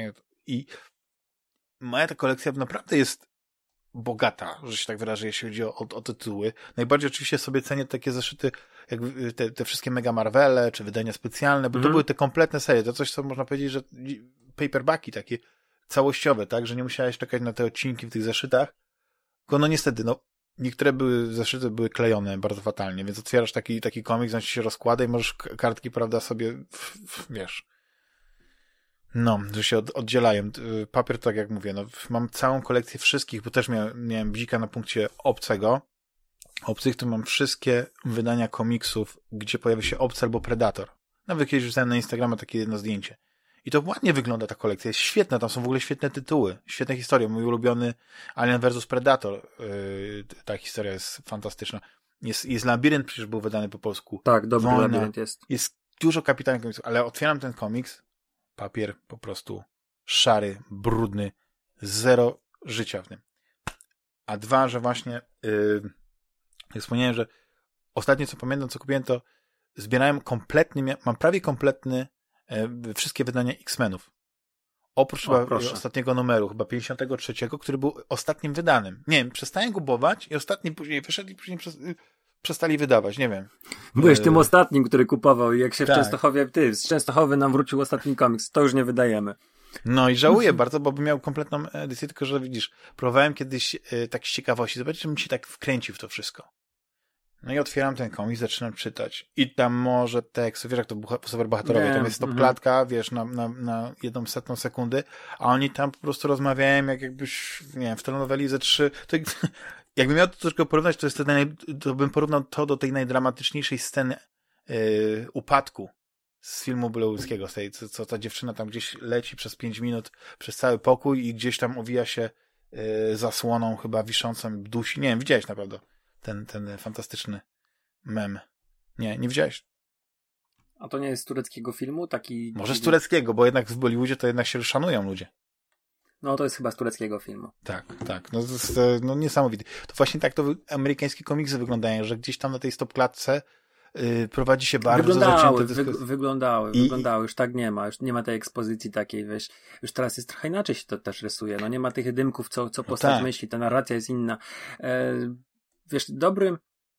Znaczy są, są takie kamienie milowe, że są, są komiksy albo serie, które zmieniają bardzo mhm. um, to, jak te mainstreamowe komiksy superbohaterskie wyglądają i nie jestem w tej chwili w żadnym miejscu, żeby mówić, które to są, bo, e, bo aż tak bardzo nie śledzę. Natomiast wiesz, e, nie ma co też porównywać, bo my w tych latach 90. dostawaliśmy stare rzeczy. Nie wiem, jaki tam był dobór tytułów. Często był dziwny, bo to nie mhm. były pełne serie, czegoś tam brakowało. Mm, ale no to był powiew, powiew, wiesz, Ameryki. Tak, no, to, to no. nieważne, co tam, że, że miałeś przerwę jakąś tam. No tak, ale wiesz. Tam, ta historia była taki, wiesz, taka, taka gwiazdka mhm. i ta historia była opowiedziana w Superior Spider-Man tam albo nie wiem, Mm, w czymś no tak, innym. Zupełnie nie mówiące nic na wiesz, Tak, nic się nie mówi to, bo tam wiesz, numery po 303 do 313 i, i tak. wiesz, no musisz przyjąć na klatę, że nagle cię 10, 10 numerów wyleciało, ale ale no co? No. Nie, no to, że w Ameryce tam powiedzmy tam Spider-Man był wydawany w iluś tam seriach, czy to się dzieje równolegle, czy nie, w uniwersach to jest zupełnie na beka. Tylko kwestia jest taka, że ja pamiętam ten taki moment, że zaczynałem odkrywać te komiksy ale to było późno. Miałem taką przerwę, że zacząłem. Znaczy, przerwę między właśnie kupowaniem takim regularnym komiksów albo czytaniem regularnych komiksów. I ta przerwa pozwoliła mi jakby troszeczkę się zresetować i, e, i z jednej strony powrót do, do tego, co było wydawane w TMSM, czy na przykład ja bym teraz chciał dla przyjemności sobie poczytać te komiksy tam po, poza jakimiś pewnymi historiami, które też TM Semik wydawał, na przykład, nie wiem, Zabójczy Żart wydał, też w takiej formie nie, mało atrakcyjnej, ale wydał, nie? Więc wydawali też interesujące, ważne komiksy, ale kwestia jest taka, że do tamtych komiksów nie jestem w stanie wrócić. A teraz otwieram sobie właśnie tą tajemnicę Złotej Maczety, pilota śmigłowca, tą ekspedycję, o której y, wspomniałeś, czy choćby pewnie gdzieś tam dla jakiegoś takiego klimatu, żeby jeszcze bardziej sięgnąć, wiesz, do, do jakiejś takiej końcówki lat 60., e, lat 70. też, po tego kapitana Żbika one, one się jakoś tak inaczej zestarzały, że byłbym w stanie je czytać. A druga rzecz to są właśnie te komiksy, o których wspomniałeś, czyli tytuł z Romek i Atomek. To są e, Janusza Christy, e, Kajko i Kokosz. to są, y, to są te wszystkie profesorka Nerworsolka, Baranowskiego komiksy, które, mhm. które moim zdaniem one się nie zestarzały nie dlatego, że ten, tylko one miały pewną taką formę, one tak wyglądały i miały taką treść uniwersalną i też no, nie wiem, no jakby to powiedzieć, no były w swoim, jakby były w swoim stylu. Oczywiście można powiedzieć, że w przypadku tych komiksów to był taki styl europejski, nie? No bo Kajko i Kokosz były zarzuty, że jest e, inspirowany na przykład Asterixem, no, no, no nie wiadomo, no nie? Tam nie, nie będę się tutaj y, zagłębiał. Ale te komiksy mają jakiś, czy to jest sentyment do tego, że to było polskie i że to my to znaliśmy z dzieciństwa, ale ja jestem w stanie właśnie sięgnąć do tych komiksów i nawet się świetnie bawić, czytając, nie wiem, Szkołę Latania, Kokosz, a niekoniecznie właśnie jakąś tam historię, e, jedną z, z tysięcy przygód Spidermana, który walczy właśnie z doktorem Octopusem, e, jakiś taki w Nowym Jorku, tam, prawda, na Manhattanie. No, gdzieś tak jakoś się, tak się zmieniło. I przyznam, że był taki krytyczny moment, w którym po prostu wszedłem znowu w to taki, w te amerykańskie komiksy, ale wydawane na przykład przez Vertigo albo przez e, Dark Horse. Do, te komiksy w cudzysłowie dla dorosłego odbiorcy poszedłem do kina na Konstantina. I Konstantin z Keanu Reevesem zrobił tak, na mnie takie wrażenie, że tak mi się spodobał ten klimat, ten, że od razu sięgnąłem i kupiłem wszystko, co było, akad, nie, nie było tego za dużo, e, w lokalnym właśnie takim sklepie komiksowym, wszystko, co mieli Hellblazerów. E, I to nie chodziło mi o zeszyty, wiesz, wydawane w jakieś tam... Ty, ty, ty, tylko albumy, no. Tylko albumy, no nie? I oczywiście ten Konstantin komiksowy jest... Yy, co by to powiedzieć, no zupełnie inny niż, niż, e, niż, ten, e, niż ten stonowany, takiego, którego Keanu Reeves, nie? Keanu Reeves powiedzmy grał siebie, nie? Że tak się wyrażę, ale mi się ta rola podobała, że mi się ten Konstantin Keanu Reevesa bardziej podobał niż, niż ten, ten zakapior z Liverpoolu, który jest, który y, wykorzystuje przyjaciół jak, jak szmaty, wiesz, tak naprawdę niby ma tam jednego tego wiernego przyjaciela, który za nim wszędzie pójdzie w ogień, tego czaza, ale tak to to każdy jego przyjaciel się pojawia jakiś w komiksie, to jest taki, wiesz, jednorazowego użytku. Martwy zazwyczaj tak, jest. gdzieś kończy tak, że umiera, no nie? I tam mówię, kurde, no nie, strasznie mi to przeszkadzało. Ale niektóre historie naprawdę były yy, niesamowite. A czytałeś te i... pierwsze, te pierwsze z lat 80., to nie wiem, czy było 88, 87, to tam, wiesz, już w pierwszym, powiedzmy, arku, to masz e, mhm. chyba jakieś nawiedzenie i nawiedza go chyba sześciu martwych przyjaciół, których przez których, którzy, którzy zginęli przez niego, których wyprowadził gdzieś tam właśnie na manowce albo wykorzystał. Tylko sześciu, nie? E, ale to tak wiesz, to był pierwszy, pierwszy nie wiem, pierwsze zeszyty. Mhm. Mm, wiesz co, ja, ja, mam, ja mam chyba takie wydanie, nie wiem, czy to jest akurat y, to też takie grubsze, ono się nazywa Original Sins.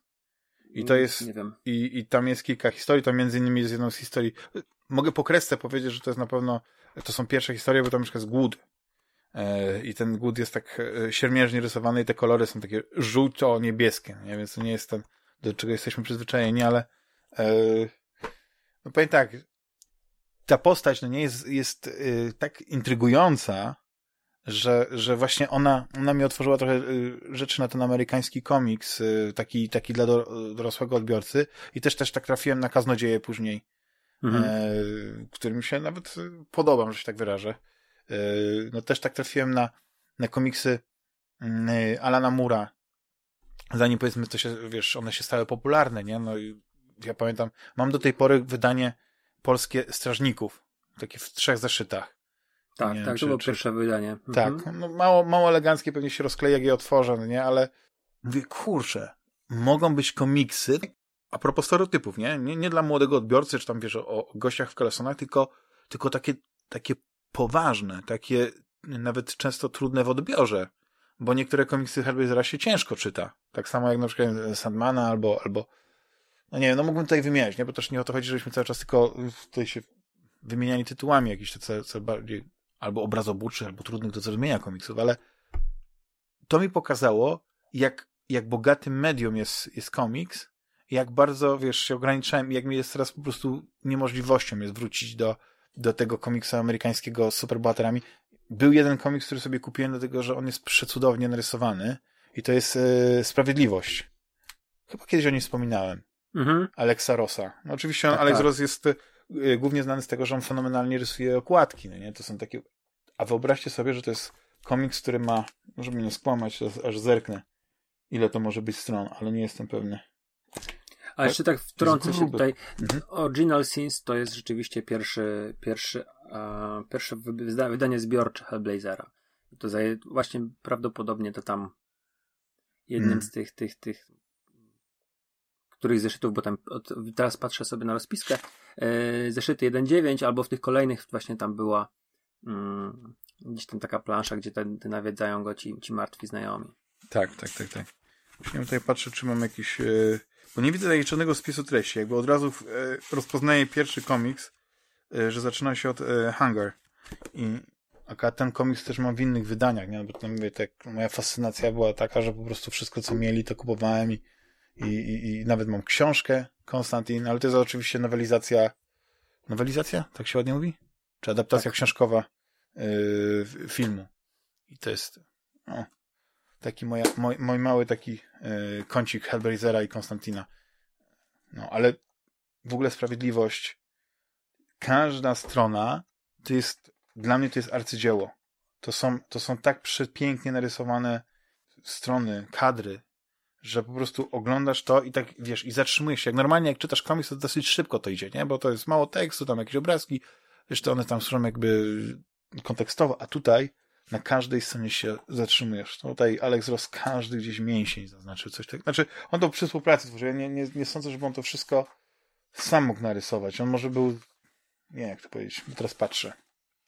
Fabuła Jim Kruger i Alex Ross. Scenariusz Jim Kruger. Ilustracje A. Doug Bre e, Braithwaite Braithwaite i Alex Ross. Okładki Alex Ross.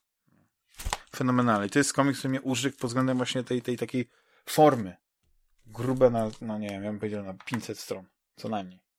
Album składający się z 12 właśnie tych, tych, tych, tych części tej, tej sprawiedliwości i tylko to jest znowu to. Forma nad treścią. Cała ta historia była tak słaba, że mnie, yy, mnie strasznie zniesmaczyło. To, że po prostu to był kolejny taki komiks, jak na przykład chyba Hash, o ile się nie mylę, z Batmanem, gdzie masz to jest, albo jak gry w ogóle z Batmanem, tylko że w grach to jakaś jest troszeczkę inaczej, nie? Tam to musi być. Że to jest powód do tego, żeby znowu pokazywać tych wszystkich super złoczyńców. I jakoś ich tak wpleść w tę jedną historię, żeby oni wszyscy tak. mieli swoje, swoje miejsce tam, żeby ta cała fabuła gdzieś się trzymała i miała jakiś taki sens, a my nadal możemy pokazać tych wszystkich e, superłotów, bo wiesz, to takie niekończące się historie, ta saga miłości, nienawiści, hate, love, relationship między Jokerem a Batmanem, okej, okay, to się sprawdza, ale to wszystko to jest taki przemiał, to są zawsze te same wątki, tylko w, w inny sposób pokazane, dlatego na przykład bardzo lubię te historie, które gdzieś idą w zupełnie innym kierunku, a czerpią właśnie, jeśli chodzi o, o uniwersum. W tym uniwersum, tak jak na przykład Miller zrobił w, w Porocie Mrocznego Rycerza, nie? Po prostu przeskoczył kilka dekad, no nie? I opisał historię Bruce'a Wayne'a, który już jest stary. I zupełnie... Ale wiesz to ja się nie zgodzę do końca, bo powiem szczerze, ja na przykład bardzo lubię takie, akurat Hash to jest dobry, dobry przykład, że to jest, wiesz, pokazanie pewnych takich e, w bardzo, w ma, bardzo malutkich epizodzikach e, jak największą plejadę gwiazd Gotham, nie? Czyli zaczyna się od porwania dziecka, które tam chyba uskuteczniał Killer Croc. Już tak do, do, dokładnie tak nie pamiętam tego komiksu, ale tak właśnie, a tutaj będziesz miał chwilę z taką osobą, a tu chwilę z taką osobą i mm, jestem w stanie się zgodzić, że w tym wypadku to e, no, no masz, masz rację, tak? Mhm. Że to jest takie przemielenie się. Natomiast jest e, taki, taki, taka seria e, rysowana, znaczy Team Sale, tak? Ją rysował, a pisał ją Jeff Lobb i to jest e, Batman The Long Halloween, Długie Halloween, e, kontynuowane przez Dark Victory, Mroczne Zwycięstwo. I gdzieś tam jeszcze będzie mm, Kobieta Kod When in Rome chyba to się nazywa. I to są właśnie 12-zeszytowe, znaczy tak, przynajmniej długie Halloween, to jest 12 miesięcy, gdzie zabija ktoś, kto e, no powiedzmy, e, to jest ten kalendar, kalendar killer, tak? Chyba się tak nazywa. I, I właśnie w każdym zeszycie gdzieś tam Batman przy okazji tego, że szuka, śledzi e, mordercę, to ma jeszcze jakiś tam, wiesz, kontakt a to z Jokerem, a to z Pingwinem, a to z mm, Samuel Grandim, tak, a to z Two-Face'em, e, a to jeszcze w ogóle wątek całej mafii, czyli Carmine Falcon, gdzieś tam to wszystkim jeszcze jest kobieta kot. Mm, I ja uważam, że to jest, e, mistrzostwo umieszczania bardzo już o opatrzonych, znanych nam e, z Woli, czarnych charakterów w bardzo fajnych e, rolach. Czasami są to są no, bardzo krótkie jakieś konfrontacje, ale e, w ten komiks jest, wiesz, to jest tak jak początkowo rozmawialiśmy o prywatnej rozmowie o policjantach, którzy mają jakieś tam swoje e, ugruntowanie na na, na, na, na w naszej kulturze, tak, że gdzieś tam ta telewizja i seriale i książki i filmy mm, pokazują jakąś tam pracę śledczą tych super detektywów e, niezłomnych. I, i to jest takie właśnie, no nie wiem, jednocześnie wpisujące się w to, a z drugiej strony takie łamiące schemat, wy, wy, wy, uciekające od tej superhero historyjki. Mhm. Mamy zwykłego, zwykłego detektywa, który gdzieś tam ma właśnie kontakty i, i przepytuje mm, swoich arcy, arcywrogów, gdzieś tam ich dopada i próbuje wycisnąć um, z nich jakieś informacje, albo jest mylony tropami, że nie, nie potrafi, może jest tak, tak bardzo zafiksowany na tych dziwakach, mordercach, że nie potrafi gdzieś tam myśleć spo, po, poza, poza tym swoim schematem.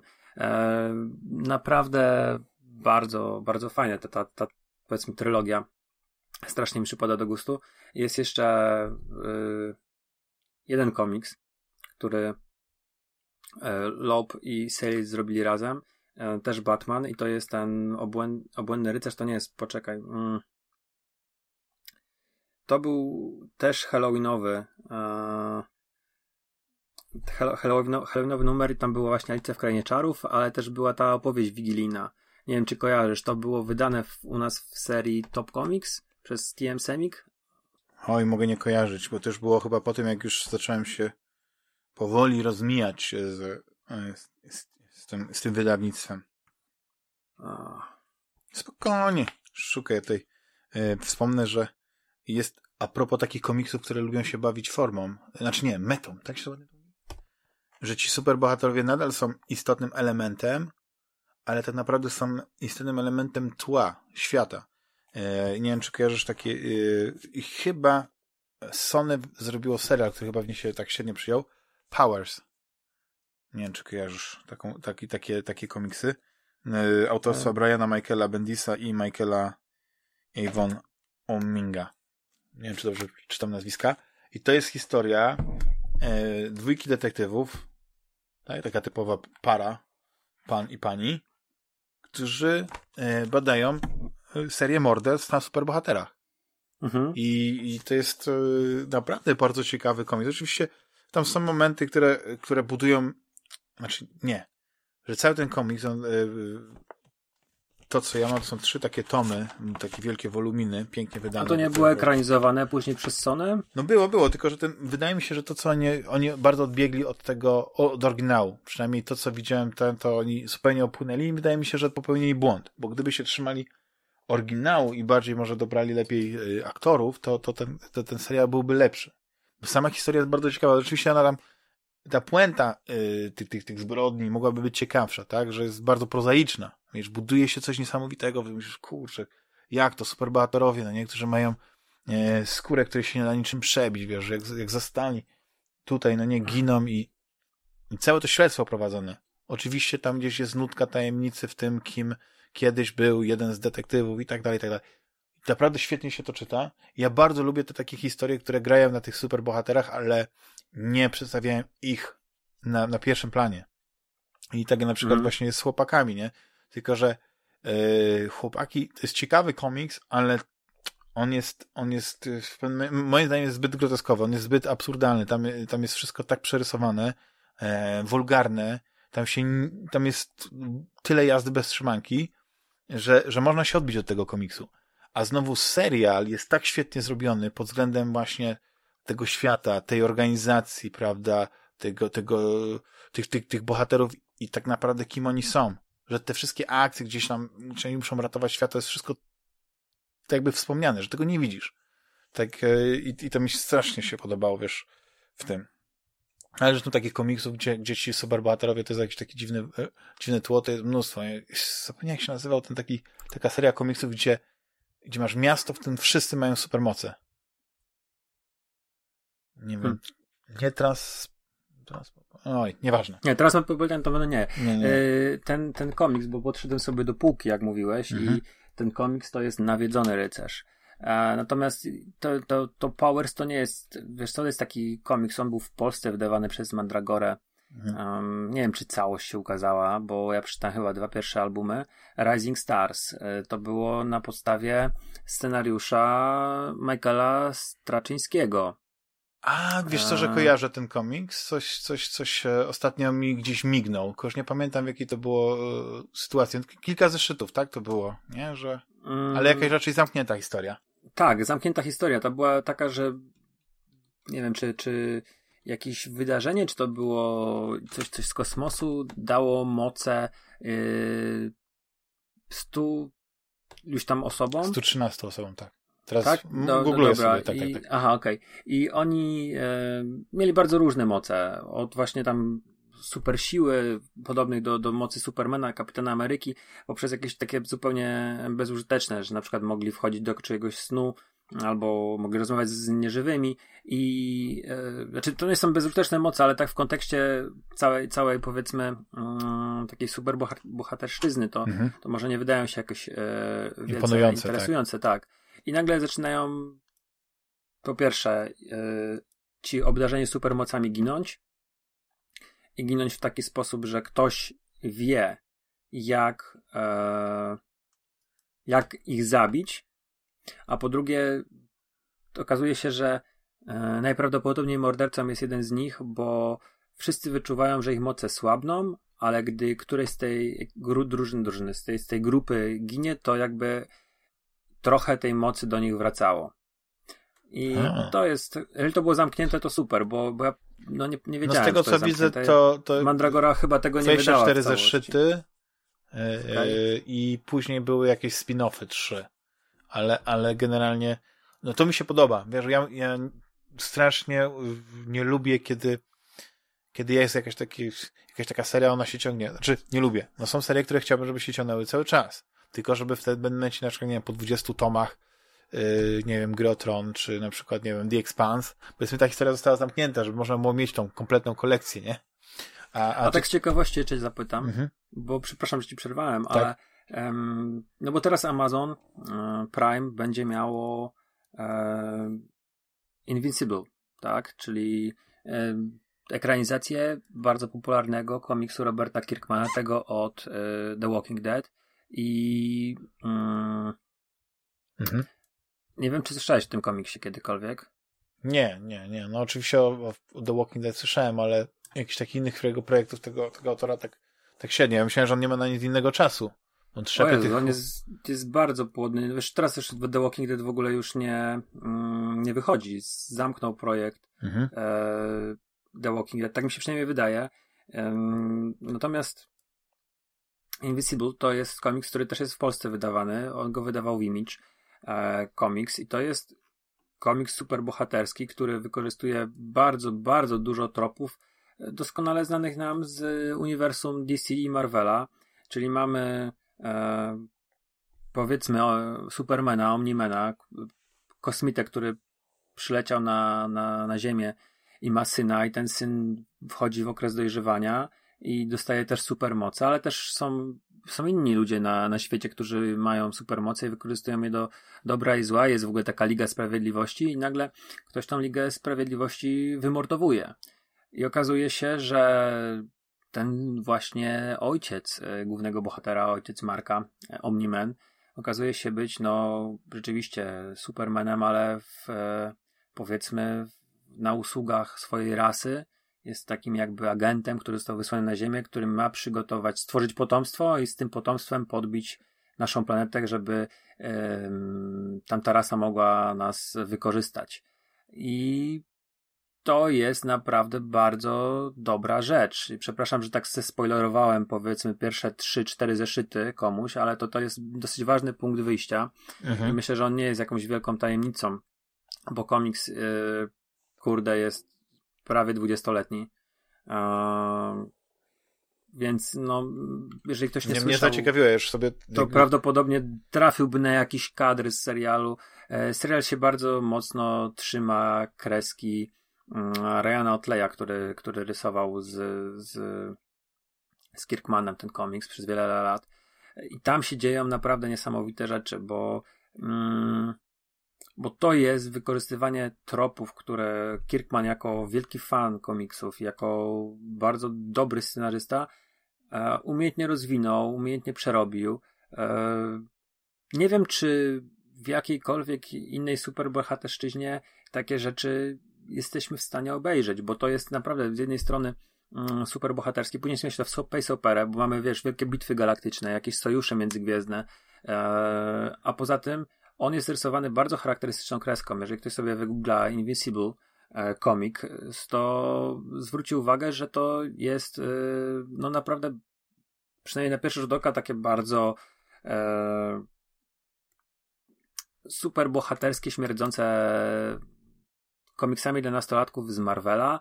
Natomiast jak sobie obejrzymy kadry, e, gdzieś tam się zagłębimy w, treść, w to mięcho, to jest jeden z najbardziej brutalnych, jeden z najbardziej e, krwawych komiksów, jakie ja w życiu czytałem.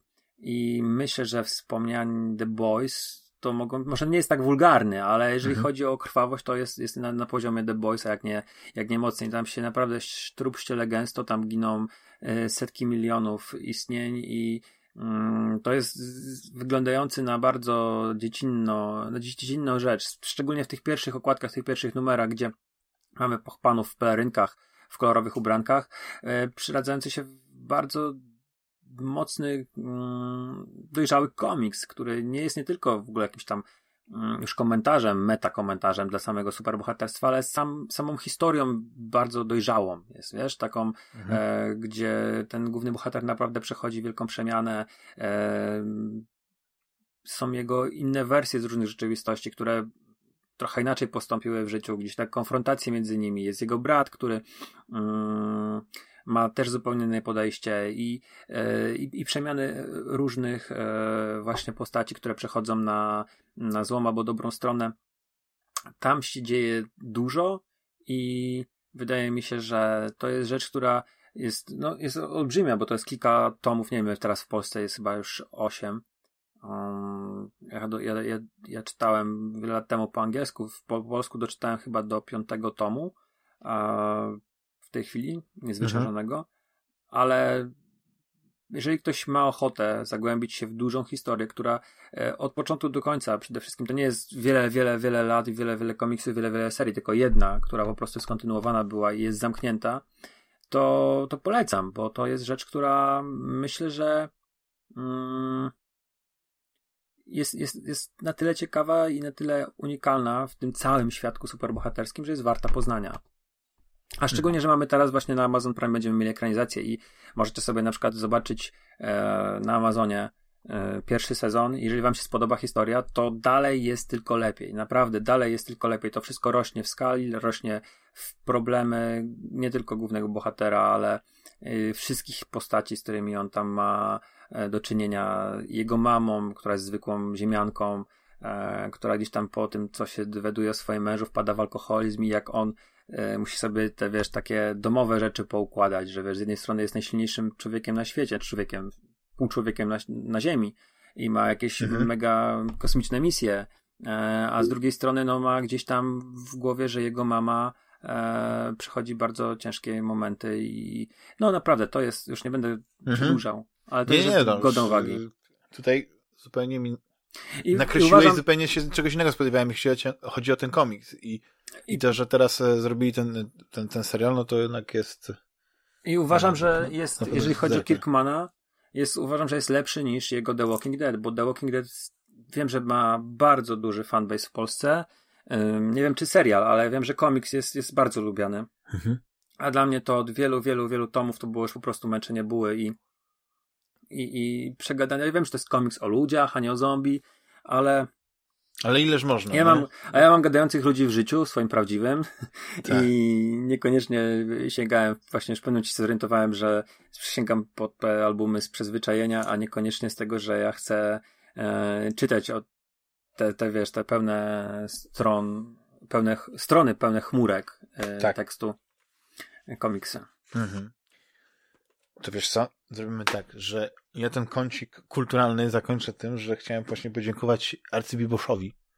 Arcybibosz wiedział, jak bardzo lubię Bollywood i gdzieś znalazł, nie pamiętam, nie, nie wiem, czy chyba mi nie pisał gdzie, taką kolekcję laserdysku przyszłości filmów bollywoodzkich. I ta kolekcja jest e, no, w miarę interesująca. Ja myślę, że to będą e, miesiące, lata, jak będę się przez nią e, przekopywał.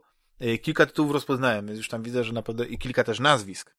Więc to też świadczy o tym, że to nie są jakieś tam pierwsze, lepsze filmy, więc e, e muszę przyznać, że pierwszy raz coś mnie takiego spotkało, że ktoś pomyślał o mnie i, i, i e, taki, taki prezent mi sprawił.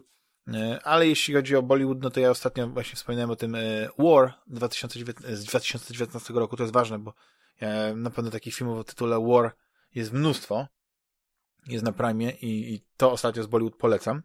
Mi się wydaje, że jak kiedyś tak się spotkamy i też nie będziemy mieć o czym rozmawiać, to y, proponuję właśnie temat o Bollywood i ty masz kilka takich tytułów hmm. filmów, które y, też jesteś w stanie polecić.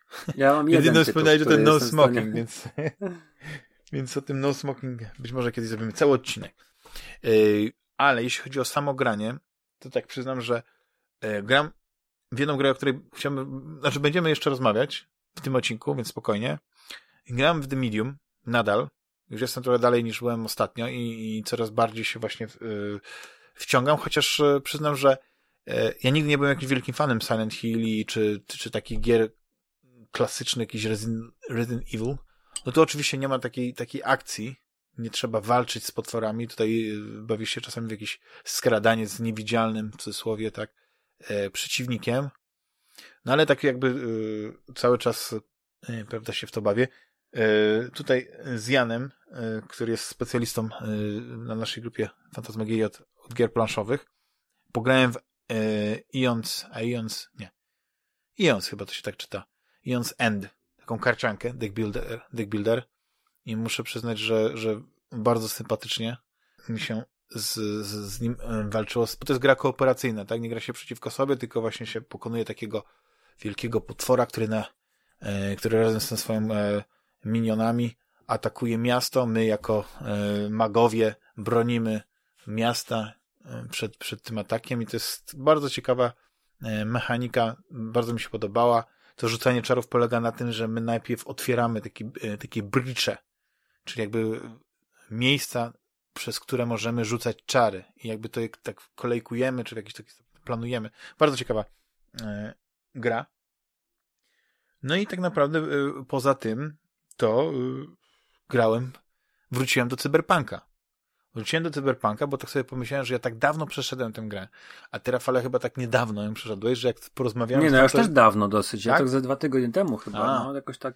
Ale wiem, że e, sobie robiłeś notatki, bo tak jakoś żeśmy rozmawiali, że na pewno mhm. jakoś taki jesteś lepiej merytorycznie przygotowany i tak sobie mówię, kurczę, ja tak mało pamiętam z tego wszystkiego, więc teraz zacząłem grać yy, ponownie, znaczy od już jakiegoś czasu, ja jestem po misji oczywiście w tym, w, w, tym, w tym hotelu, prawda, po tym jak poznajemy Johnego Silverhanda. Teraz gram w wersji angielskiej i faktycznie moje przejście, pierwsze przejście po polsku chciałem po prostu zasmakować naszego języka rodowego, chciałem e, posłuchać Żebrowskiego. Jakoś ten Johnny Silverhand w wersji Żebrowskiego był taki bardziej sympatyczny dla mnie. Tak mi się wydawało. I od razu mi się, teraz jak gram właśnie w wersji angielskiej, tak? Od razu mi się przypomniało to, co powiedziałeś na temat tych akcentów że w wersji polskiej zupełnie pozbawione te postacie jakiejś takiej tożsamości właśnie związanej z akcentem.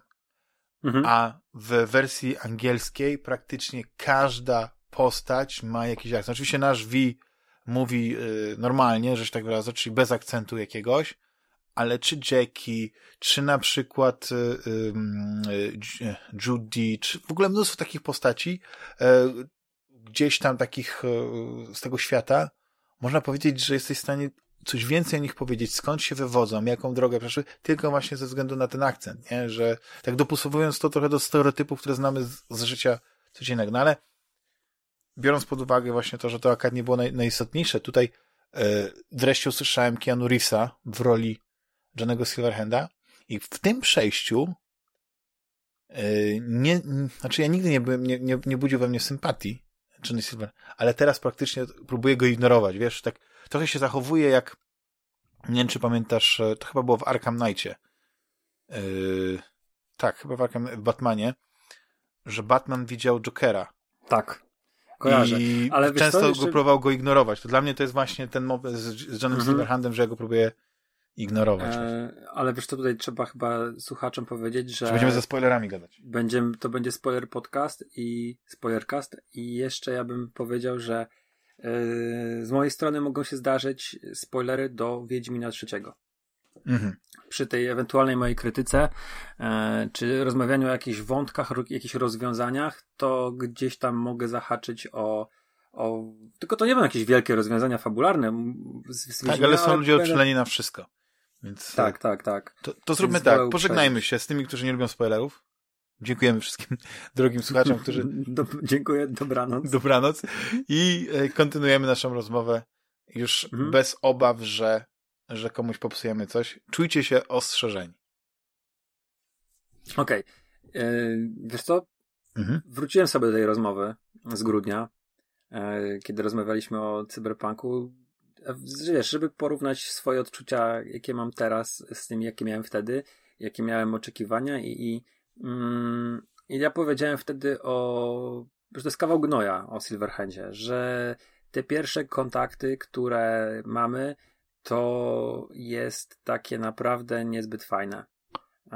I porównujesz go do Jokera i trochę w tym jest, ale to raczej chodzi o, o to, kiedy się ten Joker nam pojawia. Mhm. E, ale Joker ma Też o formę, wiesz, charyzmę. chodzi o to, że, że to jest ten taki, tak, taki jest... duch, którego my widzimy. To jest jakby w naszej tak. świadomości tak. i, i yy, nikt go inny nie widzi. My możemy z nim rozmawiać, tak samo jak było z, z tym Jokerem. Tak bardziej to ale Joker ma charyzmę i w głosie Marka Hamila. A niestety, ja nigdy nie miałem takich myśli, że wiesz, że Keanu Reeves jest słabym aktorem. Był aktorem charakterystycznym zawsze dla mnie, ze specyficzną manierą grania. Gdzieś tam pamiętam go z jakichś komediowych e, ról, pamiętam go z jakiegoś tam thrillera. Mm, knock Knock, chyba to był tak, to był Ilaruta e, thriller, gdzie, gdzie tam jakieś emocje były. Pamiętam go z Matrixa, gdzie był Neo i był wycofany. Z Johnnego Mnemonika, gdzie miał taką jeden fajny wybuch. E, naprawdę, mm, mhm. naprawdę zapadający w pamięć, ale tak to rzeczywiście był trochę drewniany. Natomiast zmierzając, e, Keanu Reeves jest moim zdaniem fatalnym aktorem głosowym był bardzo dobrym wyborem, jeżeli chodzi o Fizis, jeżeli chodzi o jego właśnie e, historię z cyberpunkiem, bo, bo to jest aktor, który bardzo mocno się kojarzy z tym, z tym gatunkiem i jest dużym też nazwiskiem. Natomiast ta charyzma w głosie, nawet w tych takich bardziej wykrzyczanych kwestiach, jest zerowa. I ja po naprawdę po, po tych 10 godzinach, nie wiem, 50 godzinach spędzonych z Silverhandem, 60, nie wiem ile tam mhm. było tego, E, jestem rozczarowany tą kreacją. I myślę, że kiedyś będę przechodził i będę przechodził tę grę jednak chyba po polsku, żeby usłyszeć te polskie tego, tego żebrowskiego. Jeżeli on mi nie podejdzie, to może wrócę, ale mm, ja jestem nie, niespecjalnie zadowolony z, z Keanu Reevesa. No nie robi takiego wrażenia, ale widzisz, ja też miałem to podejście, że tym moim drugim podejściu, ja wiem, jak się ta historia kończy i to jest trochę tak jak, jak w takich innych grach, na, które się przechodzi kilkukrotnie, tylko że tutaj nie jest w mechanice przechodzenia tej, tej gry kilkukrotnie, ale tak jak e, gra, o której na przykład będziemy rozmawiać w, w, w kolejnych odcinkach, yy, nie wiem, yy, chyba 999, czy, czy właśnie chyba Virtual World, tam się chyba grę kilka razy przechodzi i pewne rzeczy możesz przeskakiwać. Bo to jakby to jest w mhm. mechanice. Normalnie za pierwszym razem nie możesz tego przeskakiwać, a za drugim mhm. razem już możesz. I tutaj ja mam tak, że ja po prostu on nie, nie potrzebuje tego Silverhanda, jakby e, staram się o nim nie myśleć, staram się właśnie myśleć o nim jako, jako tym, tym Mirusie i zastanawiam się, czy to, że ja po prostu nie jestem jakby ponownie zainteresowany rozmową z nim, czy, czy jego komentarzem, nie wpływa na to, że ja po prostu yy, źle go nie, odbierasz? Nie, źle go odbieram, także nie odbieram go, wiesz, tej, tej kreacji Keanu, nie odbieram tak, jak być może powinienem odbierać, kiedy bym grał za pierwszym razem. Bo za pierwszym okay. razem było tak, że ja po prostu byłem bardzo ciekawy, co on mówi. Byłem y, kilka razy mu zaufałem, kiedy on mówił, a to tam chce tylko coś zrobić i tak dalej. A później jesteśmy świadkami, nie? Tam jakiś balang, nie? Gdzie on po prostu to nasze ciało traktuje w najgorszy sposób, nie? Jaki możliwy. Tak chla, pije, pali, no nie? Urwi Jak samochód się. służbowy. Tak, dokładnie. I, Ale i wiesz wiesz, ja mówię, kurczę, ten koleś jest bardzo antypatyczny.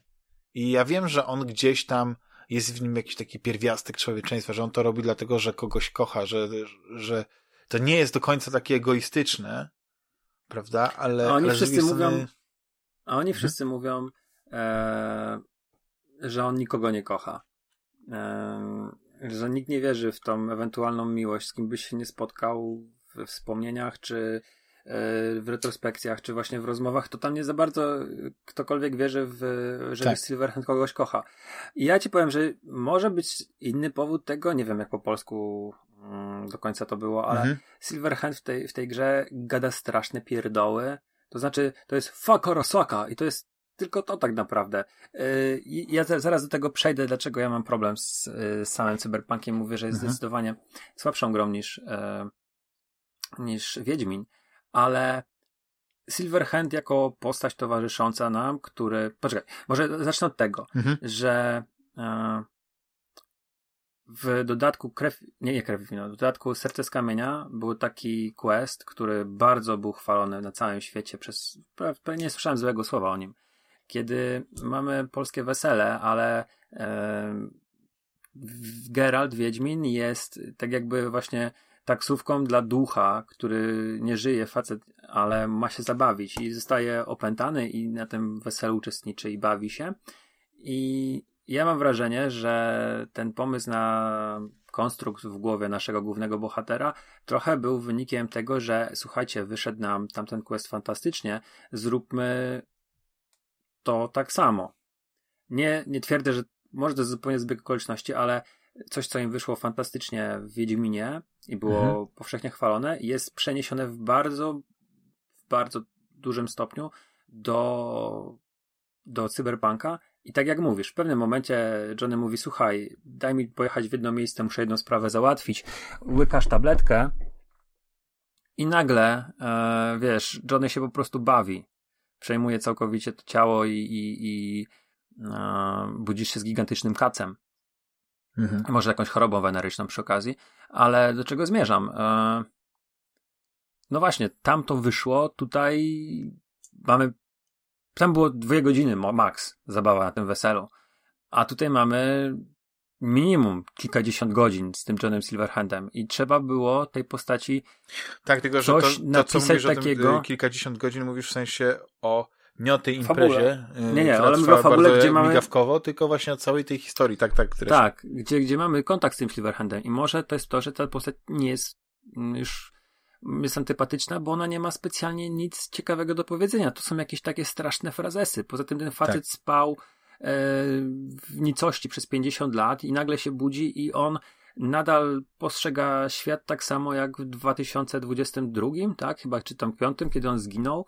Mhm. Mm, Wiesz, to jest ciekawe, bo dla mnie, y, ja za pierwszym razem, i to tak zwykle jest, że jak e, czytasz książkę, oglądasz film, to za pierwszym razem oczywiście, no, śledzisz historię, ale umykają ci niuanse.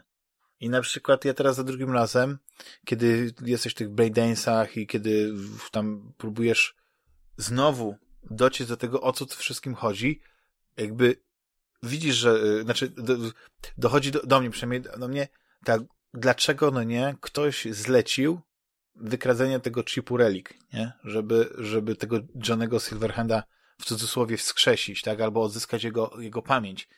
I dla mnie to było fascynujące właśnie w tej historii. Zupełnie cały czas nie myślę o tym, yy, jakby po co on miałby być jeszcze. Wiesz, yy, jaką, jaką on ma w sobie dodatk- dodatkową wartość, nie? Yy, w, w całej fabule. Oczywiście on jest ważny, no nie, bo, bo tak powiedziałeś, on nam cały czas towarzyszy i, i bardzo często się, prawda, pojawia jak ten duch i, i wiele rzeczy komentuje, jest takim motorem napędowym, no nie, no, czasami nam pomaga, czasami trochę przeszkadza, ale, ale generalnie jest istotnym elementem tego wszystkiego. Ale jak, jak teraz gram za drugim razem, to właśnie on mi jest niepotrzebny do niczego. Ja teraz chcę po prostu wejść w tę historię e, tak, jakby go nie było. Oczywiście jest to możliwe, bo po prostu ignorujesz go, nie odpowiadasz mu czasami, jeśli, jeśli e, możesz, prawda, gdzieś odejść od, od tej, tego ducha, no to ta, ta, ta, ta rozmowa się urywa. No nie? I, to, I to jakby jest, jest możliwe, ale gdzieś tam w tym wszystkim miałem takie wrażenie, że, by, by, że ta postać została dodana do tego, dlatego że gdzieś ona była charakterystyczna dla tego oryginalnego systemu. Cyberpunk 2020 i oni ale... chcieli ją po prostu wrzucić do tego i e, do, do nowej gry, ale jak to zrobić, żeby to miało sens? I najśmieszniejsze jest to, że yy, yy, mógł gdyby, być, gdyby, słuchaj, mógł, mógł być, być gościem w tle gdzieś, nie?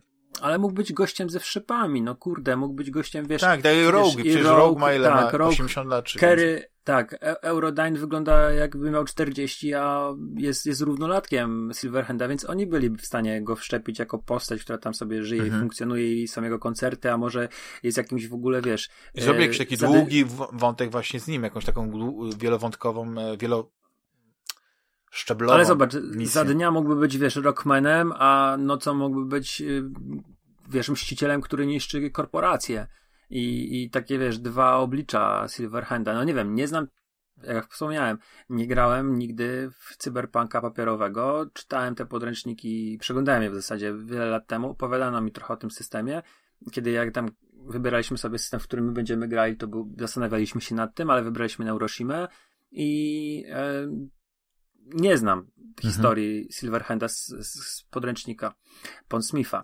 No, ale to e... też dzięki temu nie masz tego bagażu, który, e, który mają na przykład wielcy tacy ortodoksyjni fani, którzy twierdzą, że na właśnie, e, że zupełnie nie pasuje ta, e, w Kianu do tej roli. Okay. Ja zupełnie na ten jak nie patrzyłem, bo, bo nie miałem tej, tej, tego oryginału gdzieś tam w, w świadomości. Ja po prostu wiem, że fabuła ogólnie całej gry mi się bardzo podobała. Gdzieś te, te, te, te historie, one mi się łączyły i yy, no dla, dla, ten wątek, właśnie ta końcówka, gdzie, gdzie decydujemy się, prawda, to są te nasze ostatnie chwile w tej, to nazwę, no, raczej cyberprzestrzeń jest, tak? Kiedy musimy o czymś zdecydować, czy wskoczyć do studni, czy iść za światełkiem i tak dalej, i tak dalej. I to też jest w związku z, z Johnem, no, ja już wtedy y, muszę przyznać, że się trochę zżyłem i że y, z nim. Więc jakby to nie jest tak, że ja traktowałem go tak antypatycznie, y, że, że on mnie wkurzał, że przez to, że był takim oszustem i, i tak naprawdę egoistą, ale gdzieś tam no właśnie zastanawiam się, co by było, gdyby tej postaci nie było, nie? Gdyby, gdyby ta historia była bez tego. Oczywiście on jest tak istotnym elementem tej fabuły, że to po prostu byłaby zupełnie inna historia, inna gra. Mm. Nie wiem, właśnie tak by inną historię wprowadzić, no tak żeby, bo, bo tutaj tak, e, ktoś wspominał w tych przeciekach, nie wiem czy pamiętasz, że podobno oryginalnym Johnny Silverhand zupełnie był przeciwieństwem postaci, y, którą zagrał Keanu Reeves. Że Keanu Reeves jest bardzo sympatycznym człowiekiem, tak y, osobiście po prostu do rany przyłóż przywitał się z każdym w studio i każdemu podziękował i pożegnał się, co miał zrobić, co zrobił i tak dalej. Ale ta oryginalna wizja Johnnego Silverhanda, która był, y, tej gry był zupełnie inny i nie pamiętam, czy w ogóle też pojawiło się jakieś nazwisko konkretne, kto miałby y, Ktoś, ktoś szalony, tam nawet chyba podał porównanie do Vasa z Far Cry'a czy, czy Jokera. Nie, nie, no to by nawet mi bardziej pasowało, wiesz, takiego, takiego kogoś, kto jest tak e, nieobliczalny, rozumiesz, że właśnie, że w, tych, -hmm. te, te, te jest, w takim jest y, na, na takim speedzie narkotykowym, że wszystko tak, wiesz, jest nerwowe. Być może to byłoby ciężkie do, do strawienia, jakbyś cały czas miał taką narwaną postać, taką, ten, bo, bo yy, no nie wiem, widzisz, bo, bo Joker niby też jest strasznie taki narwany, no nie, i, i irytujący, ale jednak to, co powiedziałeś, charyzma Marka Hamila i, i, i jego i posta i jego Joker, którego on budu, budował nie tam przez, na przestrzeni kilku gier, ale to jest, on grał Jokera w, w, w serii animowanej. Więc jego Joker jakby jest, to jest jego kreacja, tak, że każdy ten Joker filmowy, czy tak jest każdy inny, nie wiem jak to powiedzieć, tak, i, i ten Joker, którego, którego znamy, to, to może to jest kwestia też takiego przyzwyczajenia się, nie? Że on nas nie irytował, mm. bo my żeśmy go znali, jakby nie byliśmy zaskoczeni tym jego zachowaniem. Nie, więc nie jak to powiedzieć. A tutaj e, brakuje czegoś e, tej postaci. Jednocześnie ja nie miałem jakichś takich wielkich zarzutów, jak grałem za pierwszym razem, wiesz, że kiedy był Żebrowski, nie dlatego, że akad e, Żebrowski jest lepszy, bo to, nie, bo to zupełnie nie, nie o to chodzi. No nie ma co porównywać, nie? To gruszki do, do, do pomarańczy, no nie? Ale nie miałem, yy, jakby to powiedzieć, nie miałem takich zastrzeżeń, jak teraz mam teraz, kiedy gram z drugi raz. Wiesz o co chodzi? Że, że mm. nie irytował mnie tak bardzo jak teraz. I nie wiem, jak to, jak jest, jak jest e, u ciebie, bo nie musimy się oczywiście na tej postaci tylko Johnnego zatrzymywać, no nie? Bo to jest, Dobra. To jest gra, która y... na wielu poziomach, no nie? można ją mówić. Skończę tutaj jeszcze ten chwilę wątek, y, bo podobała mi się jedna scena, kiedy on zaczyna mówić o tej mm, wojnie e, w centralnej Ameryce, w Meksyku, gdzie on tam rzeczywiście służył i wyjmuje te swoje dog taxy, nie? Mhm. E, z jakiegoś schowka, co zabawne, wiesz, tam 60 lat te, te, te, te blachy tam wytrzymały, e, nieważne. E, ale y, powiem ci, że jak grałem w, i, i przeszedłem pierwszy raz i drugi raz, to zawsze miałem takie wrażenie, że największą bolączką Wiedźmina 3 jest to, że Reddit tak bardzo czołobitnie podchodzą do materiału Sapkowskiego, że ja oczekiwałem, tak jak dostałem właśnie swobody, pokazali sobie swoją mm, pomysłowość na, na różne rzeczy w Krew i Wino, chociaż tam tu są, było też już wspomniane przez Sapka, Przecież kilka rozdziałów tam się dzieje. Y, ale, ale Serce z Kamienia to był ich, ich oryginalny pomysł i mi się to strasznie podobało. Miało gorsze momenty, jak ta kraina z obrazu, ale e, generalnie w ogóle przetworzenie mitu Twardowskiego było bardzo w stylu Sapkowskiego, jego pisarstwa, a jednocześnie było czymś zupełnie świeżym. I teraz grając w Cyberpunka zrozumiałem, że to, że to było oparte na prozie Sapka, który stworzył świat Wiedźmina, to jest jego największy atut. I tego zabrakło w cyberpunku. I teraz tłumaczę. Ja wiem, że cyberpunk ma świetnie napisane postaci. E, nie tylko. E, znaczy, te, te, te, te pana. E, mhm. Wiesz. E, Judy. Kurde, tak, tak Rogue, Rogue. tak. No, naprawdę, naprawdę bardzo, bardzo dobrze napisane e, wątki, ale nie ma dobrego a przynajmniej nie ma dobrze, według mnie, pokazanego dalszego tła, tego drugiego i trzeciego mm, planu. E, mamy, wiesz co, bardzo generyczny świat z fantazji z lat 80., wyciągnięty, który, w którym jest osadzona historia. Mm, tak naprawdę jesteśmy w stanie powiedzieć, jaki motyw przewodni jest w Cyberpunku 2077 taki, który najbardziej e, zauważasz? To Ale w sensie przewodni... mówisz o, o, o stylu miasta? O, o nie, nie, nie, nie, nie stylu miasta. Taki świecie, motyw, czy... wiesz, e, o tematykę, że, że to, jakiej tematyki porusza właśnie cyberpunk. Ta gra jest, wiemy o czym, znamy jej fabułę, ale tak jakbyś miał, wiesz, powiedzieć, że no, no nie wiem, to jest o no o czym to jest, o czym jest ta gra? Jakiś taki no, motyw przewodni masz? Nie no, to, y, jest, to jest historia ludzi, którzy chcą, e, uciekają od, e, nie wiem, zap- nie do zapomnienia, chcą się stać legendą. To, to jest taki wątek początkowy, tak? Na początkowy. Że nie tylko wiesz, żyć i tak dalej. Ale, ale nie, to jest, to jest motywacja głównego bohatera, czyli w ciebie, żebyś mhm. podejmował jakieś działania, ale chodzi mi na przykład, że wiesz, wiedźmy miałeś, gdzie, gdzie byś nie poszedł, to miałeś albo prześladowanie, mm, albo yy, takie fanatyzm religijny, albo prześladowanie mniejszości, rasizm. Mhm.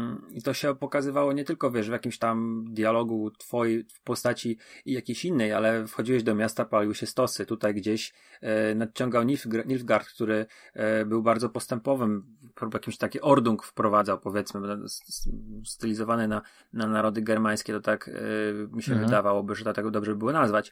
Mm, gdzieś tam, wiesz, e, prześladowania magów pojawiają się, wiesz, że, że, że trzeba e, kościół gorącego serca chyba to się nazywało. Gdzieś tam, wiesz, spychane do, do get y, krasnoludy, niziołki i, i No tak, elfy. ale to też, ale to, to jest, to jest wynik tego, czy mówisz, że miałeś że, materiał że wyjściowy? trzymali kurczowo, tak, że, że to ale wszystko było po części... Nie trzymają się kurczowo, tylko uszanowali ten bardzo materiał, nie, nie tak. pozwolili, czy mogli z tego korzystać, mieli po no prostu no tak.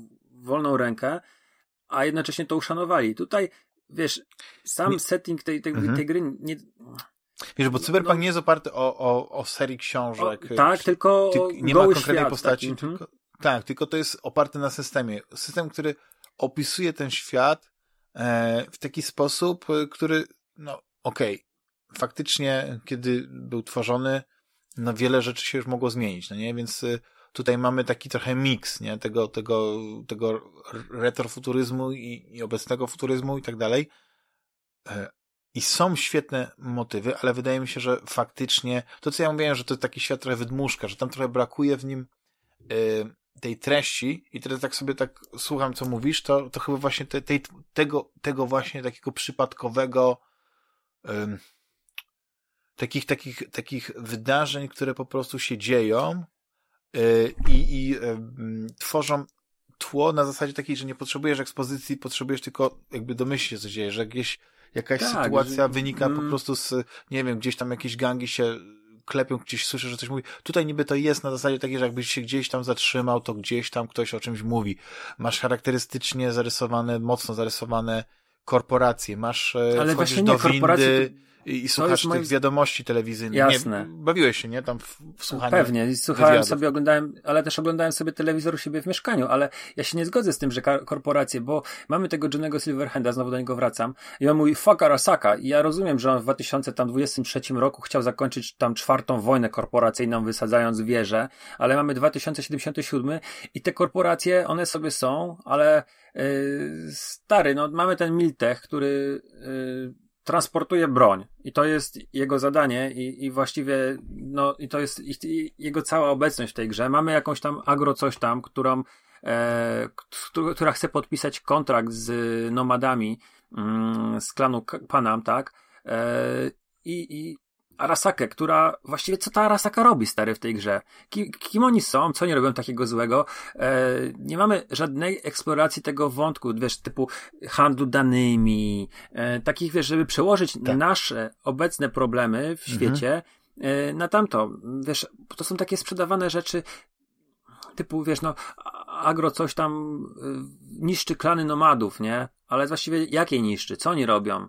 To jest takie, znaczy, wiesz, takie no, cały są... ten świat y, jest, jest tak naprawdę e, faktycznie, jak sobie pomyślisz, to on jest opisany w tym albumie takim, takim ładnie wydanym. Nie wiem, czy widziałeś. Mhm, jest, no mam ten no, album. No, to, to tam wszystko, co tam o tym świecie jest, to jest to opisane w tym i właściwie to nie, nie ma jakby jakiejś takiej głębszej nadbudowy.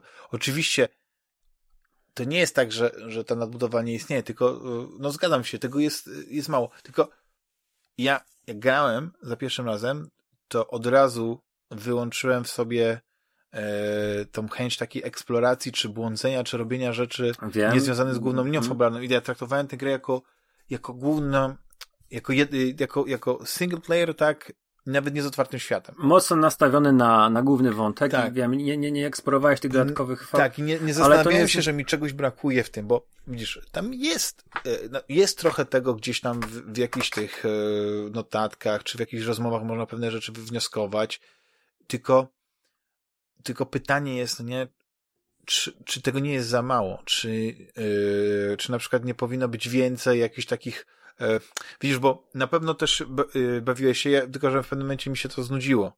Czytanie tych wszystkich y, znalezionych o Jezus notatek. Maria. No tam są to jakieś... jest mój taki potężny zarzut do tego, to jest no, no ale czy wiesz, chodzi mi o to, że ta ekspozycja, czy tam jakieś dodatkowe informacje na temat tego świata, na temat tego, co się dzieje, jakie tam były wydarzenia, kto jest kim i tak dalej. I też bzdury, no nie? Tam jakieś takie mało istotne informacje.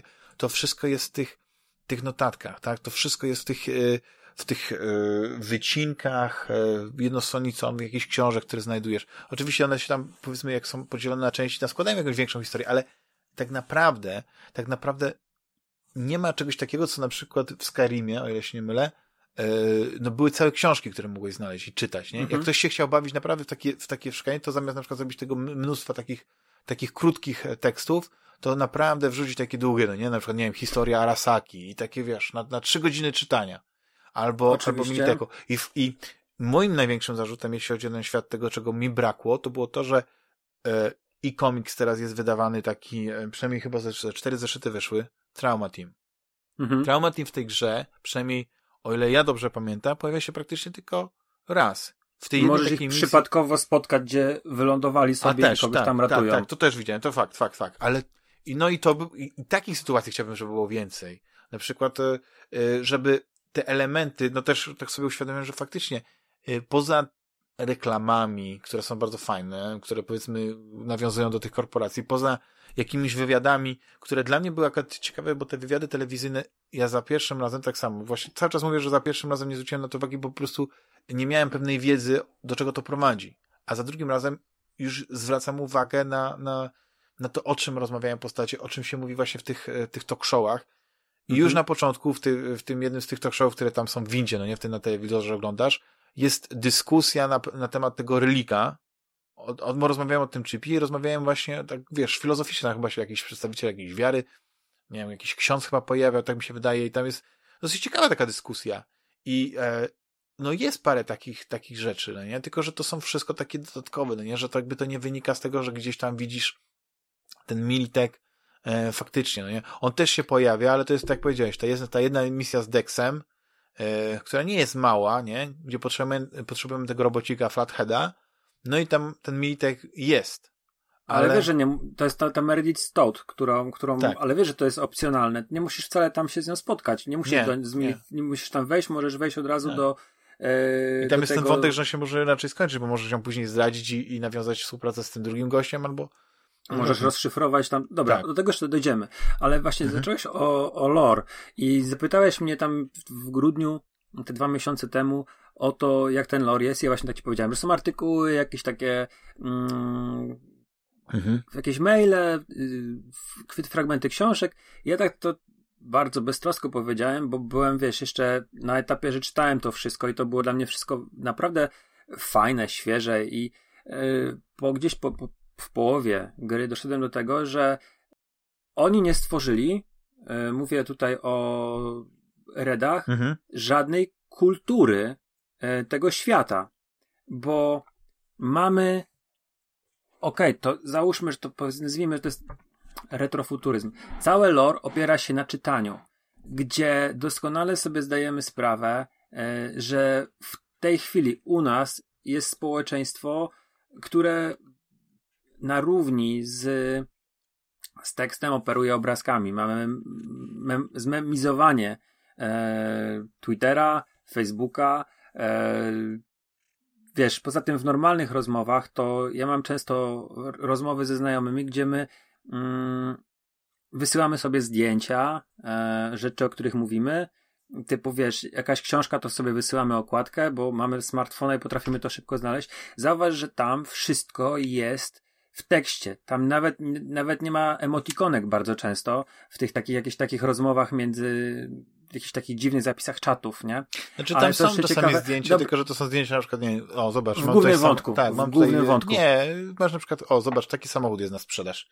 O Jezus, to jest to, no to, to, to, to tak, to tylko jeszcze samochody są wyjątkiem, masz rację, ale znajdujesz, nie, wiesz... nie wysłała jakieś zdjęcia, ale to też nie. Tak, bo, bo sobie robi przypadkowo selfie yy, komórką, bo chce zrobić tam zdjęcie nie wiem czego mm -hmm. i zrobi sobie gęby, bo chyba chciał zdjęcie jedzenia zrobić. I to jest, a to jest jeden z głównych wątków. Tak. E, natomiast mm, nie ma wiesz czegoś takiego, w ogóle przeseksualizowany jest ten świat, nie? W każda reklama wali na, na po, po, billboardy walą tak. e, facetami i kobietami, wiesz, bardzo skąpo ubranymi. Ale ona robi to w taki pastiszowy sposób, wiesz, że... Jasne, że, ale... Mru, e, mruży tak, myga okiem, tak. Tak, ale wiesz, o to mi chodzi, że nikt ci nie wysłał nudesa w tej grze. Nieważne, czy kobieta, czy facet, to nikt ci tego nie zrobił w tej grze. To w 2077, gdzie początkowo, stary, ty, ty, ty, ty jakiejś łatce zacząłeś grać, ale jak ja zacząłem grać dziesiątego w nocy, to w mieszkaniu V były kulki analne, a przed mieszkaniem chyba z osiem wibratorów było i te wibratory się walały wszędzie, w całym Night City. Co ty gadasz? Oni to na, naprawdę. I, I to oni to wycięli, tak? Oni to wycięli zaraz w pierwszej łatce Aha. sobotniej chyba. Bo, bo, bo obciążało procesory. Nie, nie sądzę. Myślę, że to bardzo szybko poszło i oni tam się tłumaczyli. E, bardzo szybko poszło to w świat i już jakieś tam serwisy zaczęły o tym pisać. Faktycznie. Ale oni się zaczęli tłumaczyć, że to, to, to społeczeństwo jest mniej wyuzdane, że ono jest swobodne seksualnie. Tak, ale to było bez sensu, bo to wszyscy, wszędzie, to wchodziłeś w kartony bezdomnych i tam były wibratory. E, ta dorosłość, ta dorosłość po, postrzegana przez kogoś, kto za to odpowiadał, to było, wiesz, na, na zasadzie, e, to jest takie dorosłe jak narysowanie pindola w kiblu e, i to jest takie śmieszne i to, to jest takie dorosłe, to nie, to, to było no tak. żenujące, stary, to było naprawdę żenujące. Niektóre reklamy były bardzo fajne, ale ja nie do końca jestem pewien tego, co ty mówisz, że to jest takie mrugnięcie oka. Ja myślę, że oni nawet dosyć serio, znaczy ktoś, kto za to odpowiadał, to musiał albo przekręcił, wiesz, jakiś suwak i po prostu tego tyle było, bo później już nie mogłem w ogóle znaleźć wibratorów. A kulek analnych tak samo nie mogłem Ja w ogóle znaleźć. nie widziałem, to nawet nie, no znaczy, właśnie, tego nie, teraz specjalnie nie zwracałem uwagi, bo wchodzisz do mieszkania, i jak grasz tak. kobietą i pierwsze co widzę, to leży coś na podłodze i ja mówię, to są kulki analne i rzeczywiście. Ale wracając do tego, do tego, do tych mhm. wiadomości i tak dalej w tych wiadomościach prywatnych nikt nie wysyła memów, nikt nie wysyła, nie ma jakiejś maskotki takiej, która by, wiesz, yy, w stylu, nie wiem, jest taka kreskówka w telewizji, mhm. która e, jest o policjancie i o piesku, który. Policjant jest jakimś takim wielkim chyba Dobermanem, piesek jest mopsem. I wiesz, na przykład nie ma czegoś takiego, że to jest jakaś maskotka, która istnieje w tym świecie i możesz sobie z nią emotikonki wysyłać. E, czy wiesz, czy, czy, mm, czy ten, ten świat jest pozbawiony kultury, a wątek jest oczywiście, teraz ktoś mi powie, hej, hej, hej, jest wątek e, Kerry'ego Aerodyna. I to jest najbardziej generyczny wątek gwiazdy rocka, jaki widziałem. Takie wątki yy, wypalonego rockmana to już Rockstar robiło 20 lat temu w GTA Vice City. Hmm. naprawdę, grałeś ten wątek? Grałem, tylko że ja e, to był taki moment, kiedy my musimy zdecydować, czy wybieramy jego, czy tą dziewczynę do zespołu, nie? Bo tam się... No tego, tego z przepalonego jakiegoś tam leżącego na, co wjechał betoniarką w, tak, tak, w tak. basen, ono, to nie ma żadnego znaczenia. Mogę ci od razu powiedzieć, że ten wybór jest, po prostu inna osoba gra z tobą na koncercie Aha. i to jest wszystko. To mhm. jest cały wybór, to jest, to jest iluzja wyboru. Znaczy inna, inna skórka jest rozumiem, na koncercie, rozumiem, nie? Tak. Tak. E... Ale widzisz, ja teraz jak się zastanawiam, to faktycznie tam było wiele rzeczy, które mi, których mi yy, brakowało, ale tak gdy rozmawiałem, tak sobie pomyślałem, że wydali, na tylko że to jest akurat dorzucone do wersji kolekcjonerskiej, też po części okej, okay, yy, polega na czytaniu, ale zastanawiam się, czy jednak nie jestem zbyt yy, zbyt yy, ostry, no nie, w, w, w, traktowaniu, że tego świata jest, że ten świat jest tak słabo opisany, bo masz ten taki przewodnik po Night City z notatkami -hmm. po, poprzedniego właściciela, który też w bardzo dosyć ciekawy e, sposób opisuje, zupełnie inaczej niż, niż ten album, no nie? E, to, co możemy w tym Night City zobaczyć, że są te, mm, te programy telewizyjne, że są, że jest ten świat, tylko on no jest w miarę płaski na zasadzie takiej, że on nie wchodzisz w taką dużą interakcję z tym światem, ale naprawdę masę pracy poszło w takie rzeczy, Jasne. które być może są, powiesz, o, poszło w wizdek, wiesz, stroje, jak wyglądają ludzie, na tą modę. Tak. To jest... I na przykład są naklejki, które ja sobie pooglądałem na zdjęciach z wersji PC, bo tych naklejek na, na PS4 ich nie widać. One są rozpikselowane, nie wiem co jest na tych naklejkach. I ja je sobie pooglądałem. Rzeczywiście na tych naklejkach jest trochę tam widać różnych rzeczy ciekawych. Ale okej. Okay. Załóżmy, że teraz krytykuję tę grę za to, czym nie jest, a powinienem krytykować za to, czym jest. I masz, i tutaj podsumowując to, yy, bardzo słabo stworzony świat, w bardzo ograniczonej, przez osobę ograniczonej wyobraźni, która to, to, to kontrolowała, nie dała na przykład, wiesz, mm, jeszcze na przykład, powiem jeden przykład, który sobie wymyśliłem, mam go zapisanego. Mamy te cyberdeki, no nie? I otwieramy te maile w głowie. I 90% maili znalezionych w, na skrzynkach komputerów to jest spam. Albo jakieś książę z Afryki, albo coś w tym rodzaju. Nie wiem, czy, czy też no, widziałem, czy tak. czytałem to.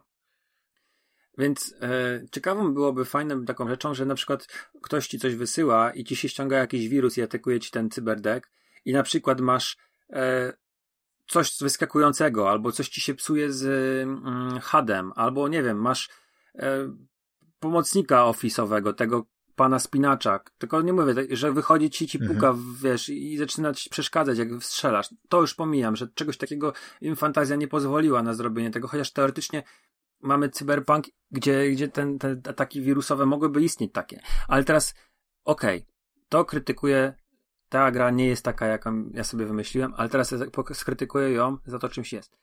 To, że zbieramy sobie te wszystkie fragmenty i tak dalej, e, różne maile i później chcesz to przejrzeć, to jest po prostu skandal, jak to jest zaprezentowane. Już pomijam, że nie ma jakichś grafik, wiesz, tam, e, bo, bo możesz sobie wejść do menu i tam jest mm, przewodnik po taki elektroniczny i rzeczywiście tam sobie możesz obejrzeć te wszystkie gangi, to, to wszystko ma jakąś tam ilustrację, ale wchodzimy do rzeczy, które sami zebraliśmy i znaleźć jakąś drzazgę, którą przed sekundą nie, nie zdążyliśmy przeczytać, tylko klikliśmy weź, a nie przeczytaj od razu. To jest praktycznie niemożliwe. Tam jest po prostu taki bałagan. I to jest tak nieczytelnie, i to całe menu. I w tym momencie możemy sobie, że to menu to jest żywcem. A ja widziałem, zabawne, bo ja skończyłem tę grę, usiadłem i zacząłem sobie sprawdzać prezentację i te menu w ogóle miały się inaczej prezentować. Widziałem ze dwie wersje różne i za każdym razem było lepsze niż to, co dostaliśmy, bo to, co dostaliśmy, to jest żywcem przekopiowane z Wiedźmina 3. Znaczy, I... znając, znając życie i jeśli oni do tego podejdą, jak podeszli do Wiedźmina 3, to Wiedźmin 3 w pier pierwsza wersja interfejsu też miała, dostała po uszach. Dziwne, że oni tutaj powiedzmy nie, nie wykorzystali tego doświadczenia Wiedźmina 3 i Wiedźminie 3 przebudowali całkowicie ten mhm. interfejs. E, znaczy całkowicie, no w bardzo wyraźnym stopniu. E, uprościli pewne właśnie te dostępy i tak dalej. No to, to na pewno e, kojarzysz. Tutaj być może to jest kwestia tego, że musi przyjść jakiś taki duży, duży patch, który naprawdę coś zmieni, bo na razie ten patch 1.1 e, tak naprawdę nic nie wprowadził. On miał e, coś zmienić, rozumiem, jeśli chodzi o, o wydajność na konsolach poprzedniej generacji, ale tak naprawdę e, nie, nie był czymś, co, co ja bym oczekiwał, że tak, e, że, że, że, że coś zmieni, prawda, pod względem e, oprawy właśnie, tak mówisz, interfejsu. Tylko widzisz, ja rozumiem te twoje argumenty i one do mnie trafiają, ale za każdym razem sobie mówię, kurczę. Ja na to ale tak nie zwracałem jest... uwagi, dlatego że ten świat jako, nie jest jeszcze jako rzeczą... wizualnie mnie tak... Mhm. Okej, okay, ale zależy jaki miałeś styl gry. Ja na przykład zainwestowałem bardzo dużo w te umiejętności techniczne i ja sobie upgrade'owałem e, broń, ciuchy. Starałem się stworzyć własne tam, wiesz, różnego rodzaju ulepszenia i robienie czegokolwiek w tym menu, już pomijam sam fakt, że y, robisz to z poziomu menu, a mogliby chociażby, masz po to tą swoją chatę, żeby ten, ten crafting można było robić w, w domu, nie? A nie zrobić na przykład 10 sobie snajperek w plecaku. Ale to jest looter shooter, ja to rozumiem. Tylko, że e, to było tak nieintuicyjne, a jak próbowałeś na przykład coś sprzedać, a sprzedawałeś zawsze, bo po prostu zbierałeś tony śmieci. Tony śmieci po prostu, wiesz, e, bo lód jest najważniejszy. Mogą być różne ważne mhm. rzeczy, ale w grze lód jest najważniejszy, więc wchodziłeś, lutowałeś wszystko po zabiciu i wychodziłeś. I spędzałeś w tych menusach, przynajmniej ja, naprawdę większą część tego czasu, który gdzieś tam poświęcałem e, na około growe rzeczy, nie na samą rozgrywkę, ale e, no, nie wiem, dwie, trzy minuty studiowałem mapę w ciągu, gry, mhm. w ciągu dwóch godzin. Około półtorej godziny grałem, a około dwudziestu pięciu spędzałem w menusach sprzedając rzeczy, porównując i to było fatalne, naprawdę. Doświadczenie, gdzie na przykład nie mogę swojej broni, którą trzymam w ręku, w jakikolwiek sposób zabezpieczyć przed sprzedażą, tylko muszę kontrolować. Za każdym razem, po każdej sprzedaży. Ona jest podświetlona, ona ma taki, taki, taki e, inne tło. Jest, jak jest... No dobra, ale to. to znaczy, to można na to naprawdę... zwrócić uwagę, ale, ale wiem, że w ferworze to... sprzedaży dużej ilości e, złomu. Ale wiesz, że to, to, powinno być tak, sprzedaj wszystko. E, mhm. Poza, albo na przykład sprzedaj śmieci i zaznaczyłeś sobie te bronie, które tak. chcesz sprzedać jako śmieci i sprzedaj śmieci. No tak jest ze wszystkich Takich grach podstawowych rzeczy, właśnie. ale no, w każdej grze looter shooter chyba to jest. Naprawdę, ja już tak yy, wydaje mi się, to jest taka podstawa, mhm. że robisz coś, co yy, no jest, jest chyba mega ważnym elementem twojej gry, bo wchodzisz do magazynu i wychodzisz z 30 karabinami na plecach. Mhm. Znaczy ja, to, ja, no... ja później dopiero zacząłem je jakby już rozmontowywać, nawet nie sprzedając, ze względu na to, że wcześniej nie zwróciłem uwagi, że mogę sobie sam produkować te pociski do karabinów czy, czy do pistoletów, yy, kule, bo, bo wcześniej tego nie robiłem, a później już tak mhm. się bawiłem w to, to że nawet, nie, nawet się nie bawiłem w sprzedawanie. W pewnym momencie to już na, na, najgorsze na początku, to przyznam, to było to, że człowiek podnosił wszystko, szklanki, jakieś papierosy, jakieś butelki, jakieś jedzenie, jakieś burrito właśnie, coś do picia.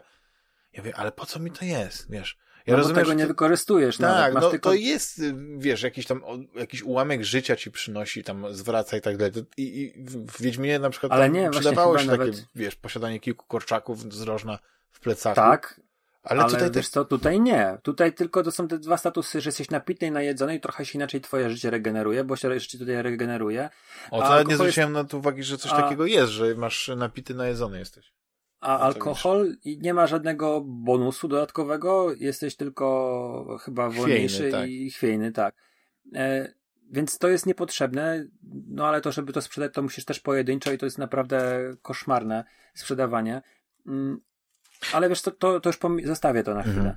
Yy, bo to jest bez, bez sensu. Ale tak powiem ci, że tak, tak, tak, ta fala twojej krytyki oczywiście uzasadnionej, bo to cały czas uzasadniasz. Ale tak, aż mi się chce być adwokatem diabła. W tym okay, sensie, bądź, że, bądź, bo że ja naprawdę... Ja teraz zaczynam właśnie myśleć o tym, no, że aż, że interfejs i te elementy takie techniczne, to, to fakt. Ale jakoś tak e, ta broń, którą sobie na przykład wybrałem do strzelania, dobrze mi się nie grało, wybrałem sobie jedną katanę, którą upgrade'owałem, więc też się nie zastanawiałem, właśnie nie szukałem tak. coraz to lepszej broni. Jeśli chodzi o, o to, co jest elementem e, cyberpunka ważnym, czy, czy wszystkie cyberstrzepy, brakowało mi reputacji, bo ja przeszedłem tę grę na taki dosyć niskim poziomie, bo nie robiłem tak, że tak dużo misji pobocznych, więc nie miałem tej reputacji na tyle dużej, żeby móc bawić się, a też nie miałem tak dużo pieniędzy, żeby te wszystkie szczepy w sobie Bo mieć. nie sprzedawałeś broni, którą znajdowałeś, ale to jest ten... Być może, ale to, to też jest groszowy właśnie. To jest, to jest to, że wiesz, wszczep jakiś taki porządny nie kosztuje 30 tysięcy tych e, euro-dolarów, czy edków, a, a jak sprzedajesz jakąś broń, czy coś tam dostajesz 30, może 100, to, to wiesz, oczywiście zależy później od poziomu, nie od tam broni i od jej rzadkości. Ale ja w ogóle na to tak nie zwracałem uwagi. Coś tam sobie, jeśli chodzi o tą postać, e, zrobiłem. Grałem też tak na zasadzie, że styl dla mnie był ważny, więc lubiłem, mimo że nie widzisz się, bo grasz prawda, z perspektywy pierwszej osoby, y, że zwracałem uwagę, co na siebie zakładam, po prostu, no nie? Oczywiście mhm. czasami y, funkcjonalność ponad styl, ale większość to jednak styl ponad wszystko. I ja, ja bardzo te elementy mi odpowiadało. Oczywiście brakowało mi tego, żeby w tej grze y, była jakaś taka struktura, jeśli chodzi o, o, o pancerze, żeby nie było tak, że na przykład, nie wiem, kiecka jakaś, sukienka czy koszulka miała wyższą wartość pancerza niż, niż kamizelka kulotporna, nie? Jakby tak. nie ma takiego konsekwencji, nie? nie? Ma, Z czego jest ta koszulka z kevlaru? Tam y, są takie, że wiesz, jakoś tam w, opisywa, w opisach są tam, że wiesz, jakieś tam powłoka jakaś tam, są takie opisy. Tak. Ja to jestem w stanie kupić, tego się nie czepiam. E, bo to jest... Nie, nie, no to jest, to nie, bo to jest nie? funkcjonalność kupujemy. stroju, to, to, to jest powiedzmy ten, ten strój przyszłości, że na przykład możesz mieć garniak, który wygląda, że jesteś, wiesz, korposzczurkiem, ale to jest garniak, który kosztuje trochę i on ma właśnie jakieś tam, wiesz, wbudowane materiały, że faktycznie jest kuloodporny czy coś. Ja to wszystko kupuję, to jest super sprawa.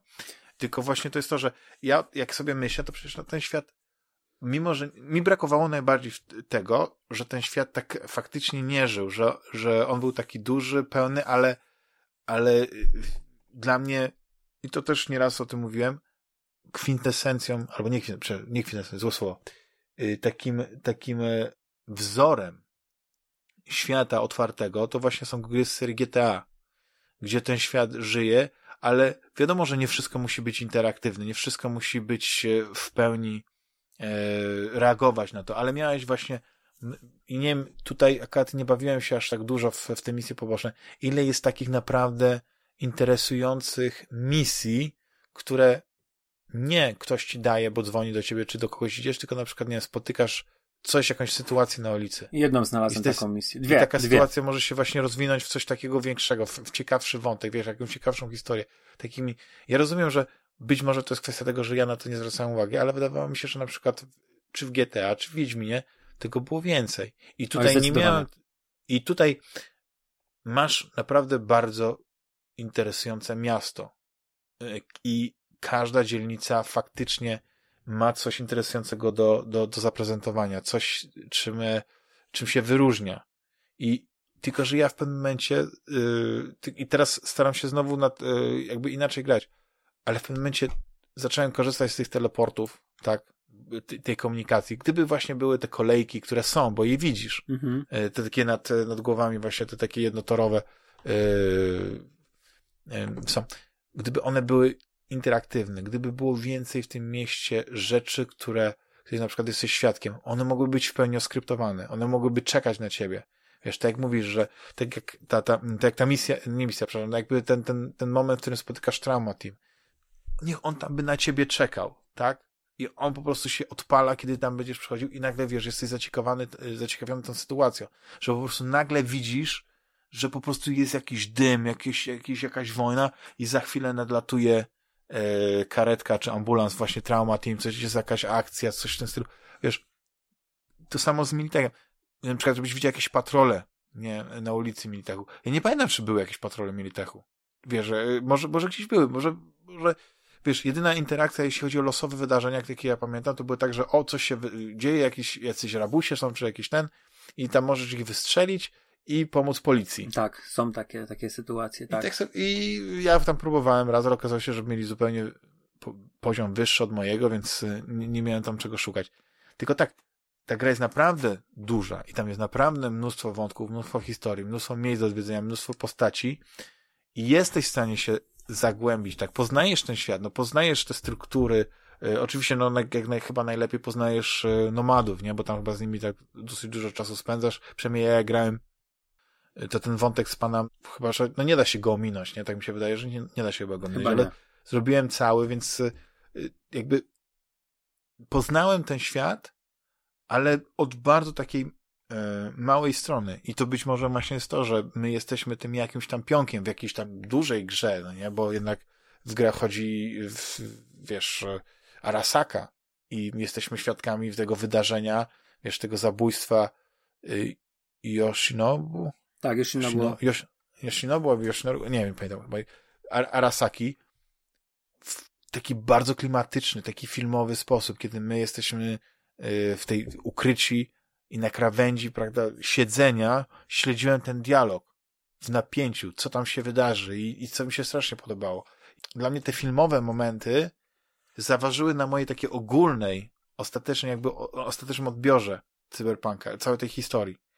Że ta historia w tym świecie jest jakby mi się bardzo podobała, postacie mi się podobały, wątki poboczne mi się podobały, i moja ogólna, moja ogólna ocena tej gry, no jest, e, nie wiem, to nie jest gra wybitna, to nie jest gra jedna z najlepszych, które grałem, ale naprawdę między dobrą a bardzo dobrą, wiesz, ale to jest to, jest to że e, ja cały czas liczę, że ten świat, który oni przedstawili, e, zrobili w tej grze, że oni go nie porzucą, że DLC, DLC-ki, tak, że dodatkowe historie, które powstaną właśnie w formie takich całych dodatków, one wyeksplorują albo wykorzystają na przykład te części miasta, albo te wątki, te korporacje, te historie, których tutaj nie było, dlatego że one nie, nie, nie służyły jakby głównemu wątkowi, bo tutaj starano się jakby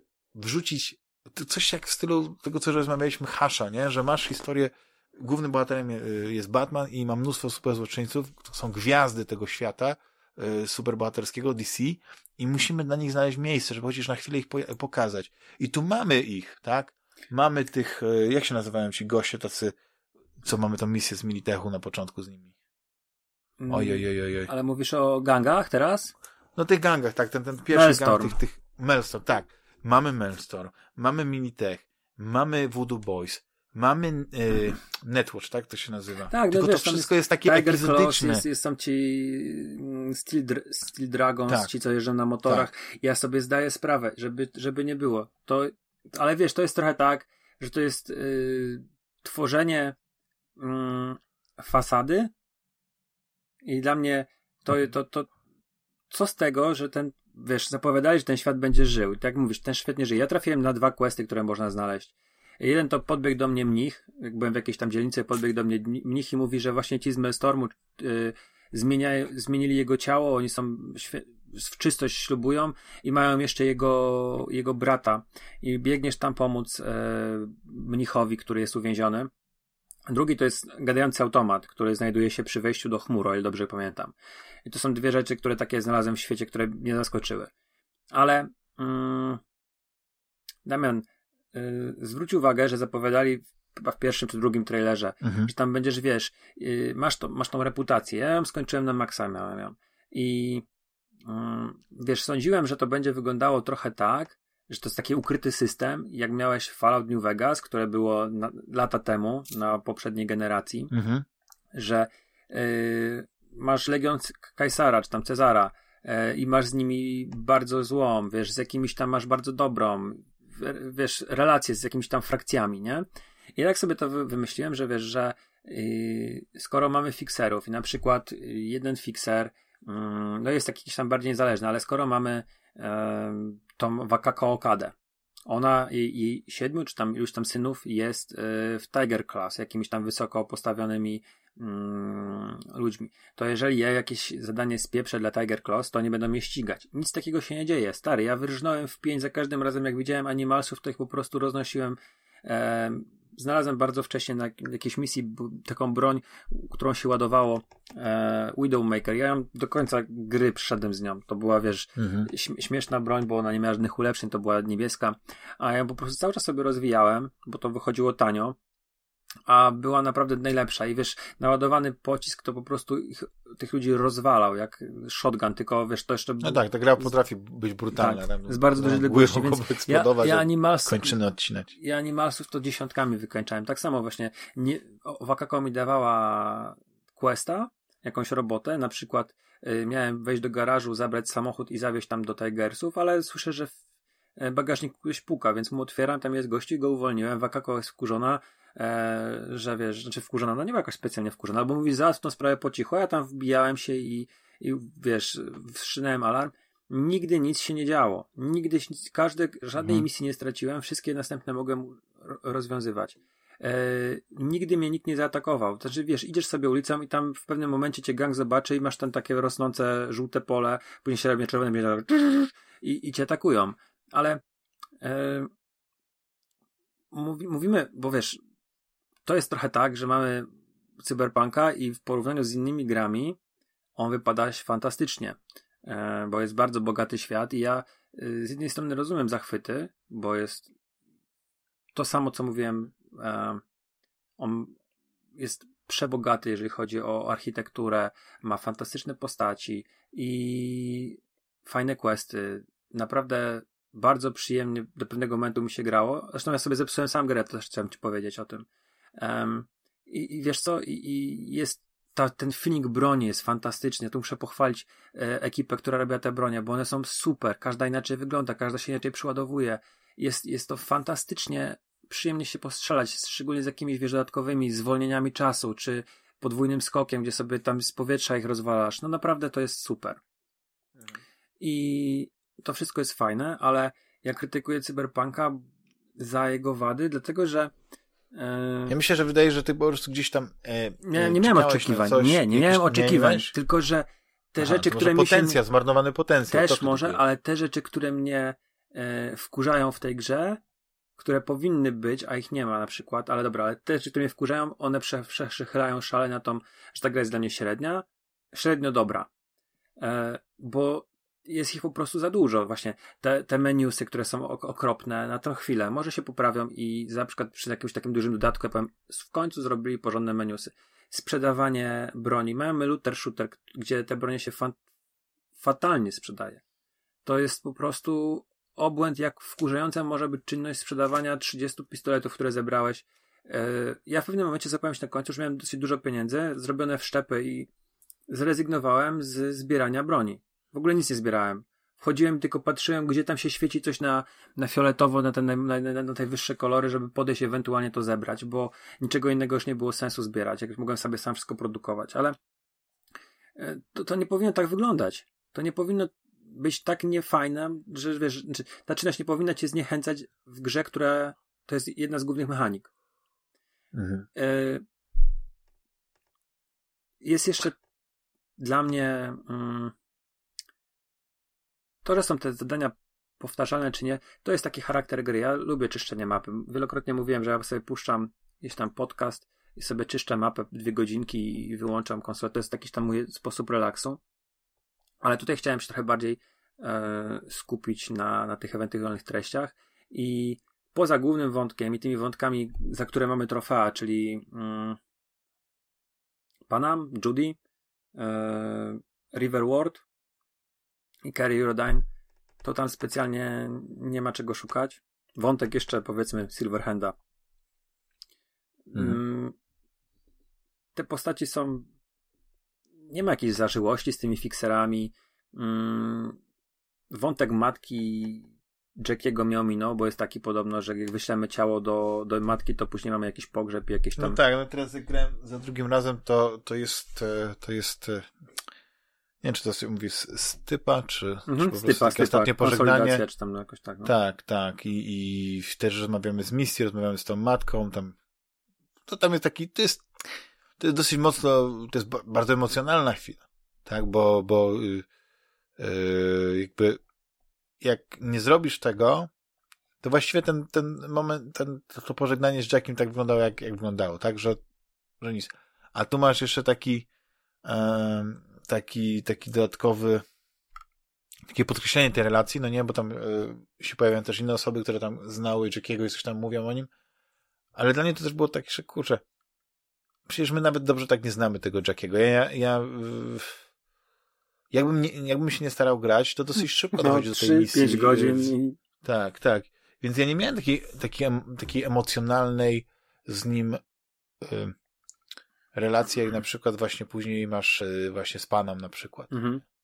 Bo, bo z panem bardzo dużo y, czasu spędziłem, właśnie te misje i te takie rozmowy są takie intymne sytuacje, gdzie, y, gdzie widzisz, że się otwierasz. Tutaj mamy kumpla, takiego naprawdę fajnego kumpla, gdzie ta, ta relacja z nim została nam bardzo szybko streszczona, że gdzieś tam po prostu się poznaliśmy przez przypadek, to tam e, to jest też ciekawe, bo to, co ja, na przykład dla mnie ogromnym problemem było to, jak fabularnie spłycone są prologi.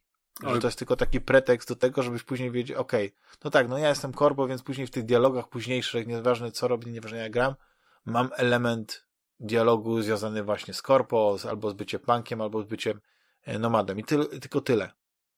Bo, bo cała ta później, ta, ta, ten, ten montaż, ta nasza historia, te sześć miesięcy, czy cokolwiek tam jest, no nie? To wszystko jest z, z, zmielone właśnie do takiego, e, takiego teledysku. I mnie to mhm. strasznie e, zabolało, że ja nie mogłem chociaż części tych historii, które były tam pokazane, prze, y, przeżyć, bo tam są postacie, które później roz, poznajesz, no nie, tam jest chyba ten, ten, ten, ten ksiot, ten padre, nie, który też chyba jest fixerem, o ile się nie mylę. Tak, tak. Że jest tam mama Wells pokazana, no oczywiście tam z Jackiem się spędza No, mówię, kurczę, okej, okay, ja rozumiem, ja rozumiem, że to jest jakaś taka forma, jakaś inna wersja sześć miesięcy później, nie? Ale czasami wolałbym właśnie, kurczę, sześć miesięcy później, albo w ogóle przeskok jakiś taki, albo, no, no nie wiem, no cokolwiek. No, nie wydawało mi się, żeby to było jakoś takie e, bardzo potrzebne e, czemukolwiek. To było tylko takie dodatkowe, wiesz, takie napisy, wiesz, tak masz film, nie? Że zaczyna się film, masz jakąś tam historię, później masz te napisy takie początkowe, no niektóre muszą przejść, to oczywiście tutaj napisów nie ma, ale masz taki miks, masz pomysł, jakby czołówkę to do serialu. Zrobić? Co? Masz pomysł, jak to lepiej zrobić? Bo Albo ja... bym w ogóle tego nie zrobił, albo nawet wolałbym, kurczę, ścianę tekstu, która mi tam okay. opisuje, no nie, że, że minęło tam 6 miesięcy, masz te, trzy, takiego. masz te trzy wybory. Nomad, e, załóżmy Street Kid, tak, Cyberpunk i Corpo. I tak. zaczyna się tak, że Jackie cię werbuje do tego konkretnego skoku, do jakiejś rzeczy, którą masz zrobić, ale już na jakimś wstępie idzie źle i musisz mu pomagać. I on jest taki sam, jaki był, wiesz, tutaj, dobra, słuchaj, widzę, że ty masz słabe szczepy do oczu, to idziemy do fiksera, on ci zrobi oczy, a to jest moja dziewczyna. Yy, I później, dobra, to teraz musimy zdobyć to. I wiesz, on cię werbuje, nie ma tego pół roku, musisz mieć jakąś dziuplę i cię prowadzi do jakiegoś mieszkania. Słuchaj, prze, będziesz tutaj kimać, bo to jest, to jest taka, tam mojego dawnego kumpla, on nie żyje, nikt tutaj yy, nie wie, że tutaj jest wolne mieszkanie, ok? I to jest, i to by wyjaśniło, mamy Jackiego, który taki sam być charakter mieć, jak i ma, nie musiał się nic zmienić, ale te dwie godziny, tam dwie godziny, pół godziny tych prologów mogły tak wyglądać, że potrzebuje jakiegoś korposa, żeby mieć kontakt z Militechem, albo potrzebuje jakiegoś właśnie nomada, który dobrze jeździ, bo będzie potrzebował kierowcy, no ale coś tam idzie nie po drodze i będą mieli Delamaina, ale dobra, jesteś, to będziesz moje firepower, albo potrzebuję jakiegoś dzieciaka z ulicy, bo na przykład potrzebują na niego zrzucić winę. I to jest tyle. I to mogli tak wyjaśnić. Naprawdę to nie jest problem, bo to po prostu po skończeniu tego prologu mi takie myśli się pojawiły. Że to można byłoby zupełnie bez tego głupiego pół roku i jesteś świeżakiem w mieście, który musi zdobyć, ma po pierwsze Johnego Silverhanda w głowie, a po drugie musi zdobyć jakieś kontakty, musi się jakoś zarobić, żeby sobie tego Johnego Silverhanda z głowy usunąć. E, jest masa rzeczy, które powiedziałem, że są poza tymi głównymi wątkami, co są osiągnięcia czy tam mm, achievementy, yy, nie ma fajnych postaci. Jest takie małżeństwo tych chyba Morale, Morales, to są ci, co kandyduje na, na burmistrza. Tak. Bardzo ciekawy wątek. E, natomiast same postaci zupełnie bez charakterów. To znaczy, to jest umotywowane. Nie, to był wątkiem. fajny motyw, tylko że teraz jak sobie uświadomiłem, to ja w ogóle nawet nie pamiętam, jak on się skończył. E, tak, bo że my też coś tam, bo my mieliśmy tam jakieś SMS-a. śledztwo przeprowadzić. Dostałeś SMS-a, pogadałeś, mogłeś z nim pogadać na ławce i powiedzieć mu albo prawdę, albo nie. On zostaje burmistrzem, ale ty dostajesz SMS-a, że nie chcą mieć z tobą żadnego kontaktu. I to jest koniec. Pierwsza, pierwsza misja, gdzie możemy tą e, panią Meredith Stout, tą ko- korpo, korpo taką, wiesz, biurwę, m, która Tak. przesłuchuje faceta w kanałach burzowych.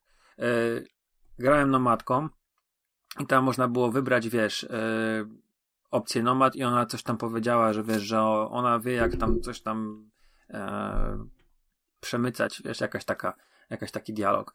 I No, no. ja myślałem, że to jest wstęp do jakiegoś wątku z tym Militechem, z tą kobietą, nie? Że ona tam może będzie potrzebowała mojej pomocy. I jest, i w końcu dostaję SMS-a, że- czy o kontakt prośbę, więc jadę tam. No i mamy tam e, scenę seksu. Mm, dostajemy za, za tego, za, za seks z Meredith tak, taką broń pana Twardeusza. E, nie wiem, czy to miałeś tą, tą, tą, tą sekcję, czy nie. Nie, bo znaczy, Jest to wielki y, wibrator, taki gumowe dildo. do, do walki wręcz, tak? Do walki wręcz, tak, dokładnie. Wygląda jak właśnie jak, jak pałka policyjna, tylko że jest no, w kształcie różowego, znaczy takiego cielistego penisa. E, I to jest koniec. To nie sądzę, że, że to było jakieś, wiesz, umotywowane tym, że miałem nomadem. To jest moja kolejna krytyka. Ta gra stoi y, nogami dwie generacje wstecz. Tak się robili, nie wiem, Dragon Age albo nie chcę, bo tak robili RPG, te wybory na, na generacji 360 i PS3. Czyli mamy podświetloną opcję na żółto, która popchnie nam, e, wiesz, wątek do przodu, albo na niebiesko jakieś dodatkowe rzeczy. Nie, nie wiem, czy poza e, tym prologiem są jakiekolwiek ważne wybory, bo jasne, możesz nie rozwinąć przyjaźni z no nie wiem, z Wardem i on nie będzie w końcówce, albo wiesz, nie rozwiniesz przyjaźni z Panem i nie będziesz miał wyboru tego w samym zakończeniu, że możesz z z nich korzystać, możesz Judy wyjechać, ale tak naprawdę to jest bardzo liniowa gra, która ma niewielkie odbicia. No właśnie, znowu wracamy do tego e, wątku Miltechu, od, odbijania od Maelstormu ich tam tego robota.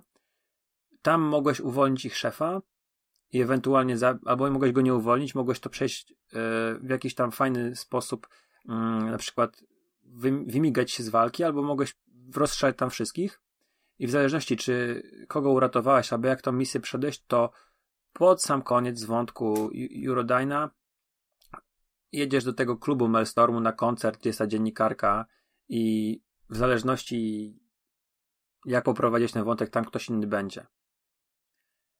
Poza tym, szczerze, to nie doszukałem się żadnych innych e, zmian, bo rozmawiałem z kumplem, który grał równocześnie ze mną, on grał na Xboxie, ja grałem na PlayStation i rozmawialiśmy ze sobą i naprawdę no nie ma nic, to nie jest e, jakieś rozgałęzienia czy coś, to jest bardzo liniowa gra, a o ile dobrze kojarzę, to miała taka nie być, że nasze wpływy miały zmieniać świat w jakiś tam sposób, yy, miały mieć wpływ na, na kolejne wątki, kolejne questy. Tutaj tego nie ma. Tak jak powiedziałem, możemy sobie Wakako Okady polecenia ignorować i Mhm. nic nam się nie dzieje. Możemy e, tak naprawdę no, będziemy mieli troszeczkę inne zakończenie, ale te dwa podstawowe, czyli to, czy y, zostajemy z Arasaką, czy idziemy, dajemy opcję, żeby Johnny tam poszedł, to będziemy mieli. Następnym wyborem jest tylko ewentualnie, czy, czy będziemy mieli tych y, z klanu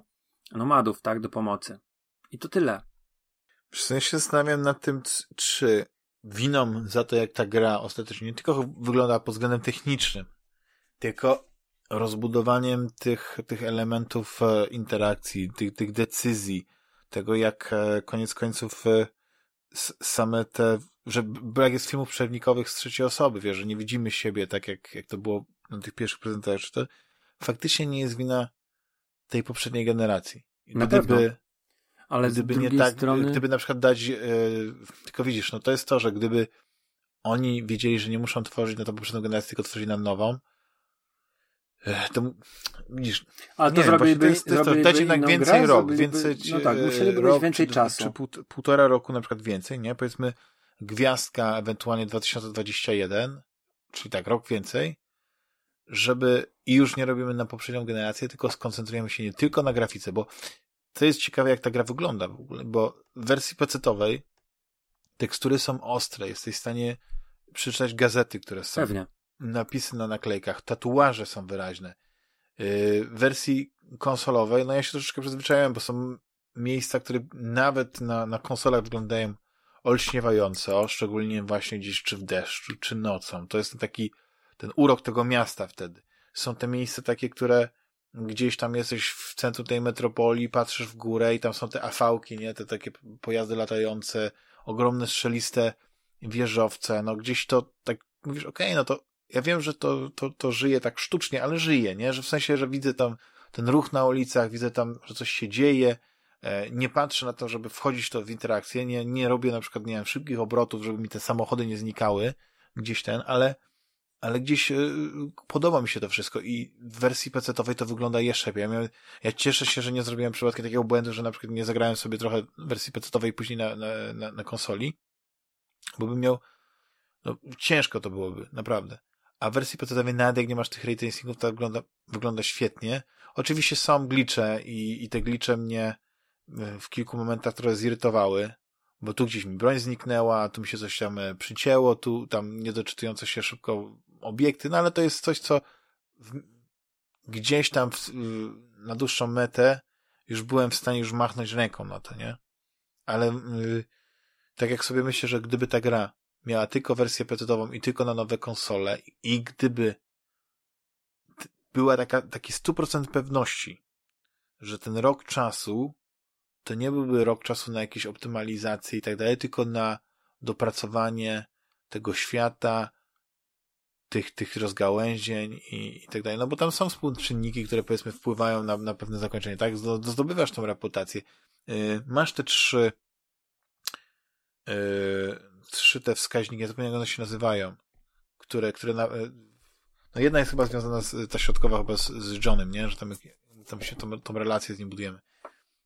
Że to wszystko ma jakieś tam znaczenie, ale więcej jest tego dymu i luster niż tak naprawdę mhm. prawdziwego tego, tego, tego czegoś, co by sprawiało, że w każde twoje przejście Byłoby, byłoby inne. inne. No, dokładnie. Tak. I, i, ty, I jeśli na przykład, nie wiem, e, ten rok czasu dałby im możliwość doprowadzenia do tego tylko że szczerze mówiąc jestem takim trochę pesymistą i uważam, że owszem, doprowadziliby do tego, że, że te, ta gra by była e, jeszcze ładniejsza, szczególnie właśnie na konsolach obecnej generacji, czyli nie byłoby tak, że ona działała w podkręconej wstecznej kompatybilności, tylko ona po prostu natywnie byłaby już na, na tych konsolach, ale znowu, cała ta praca poszłaby w optymalizację, gdzieś by może nie byłoby tyle gliczy.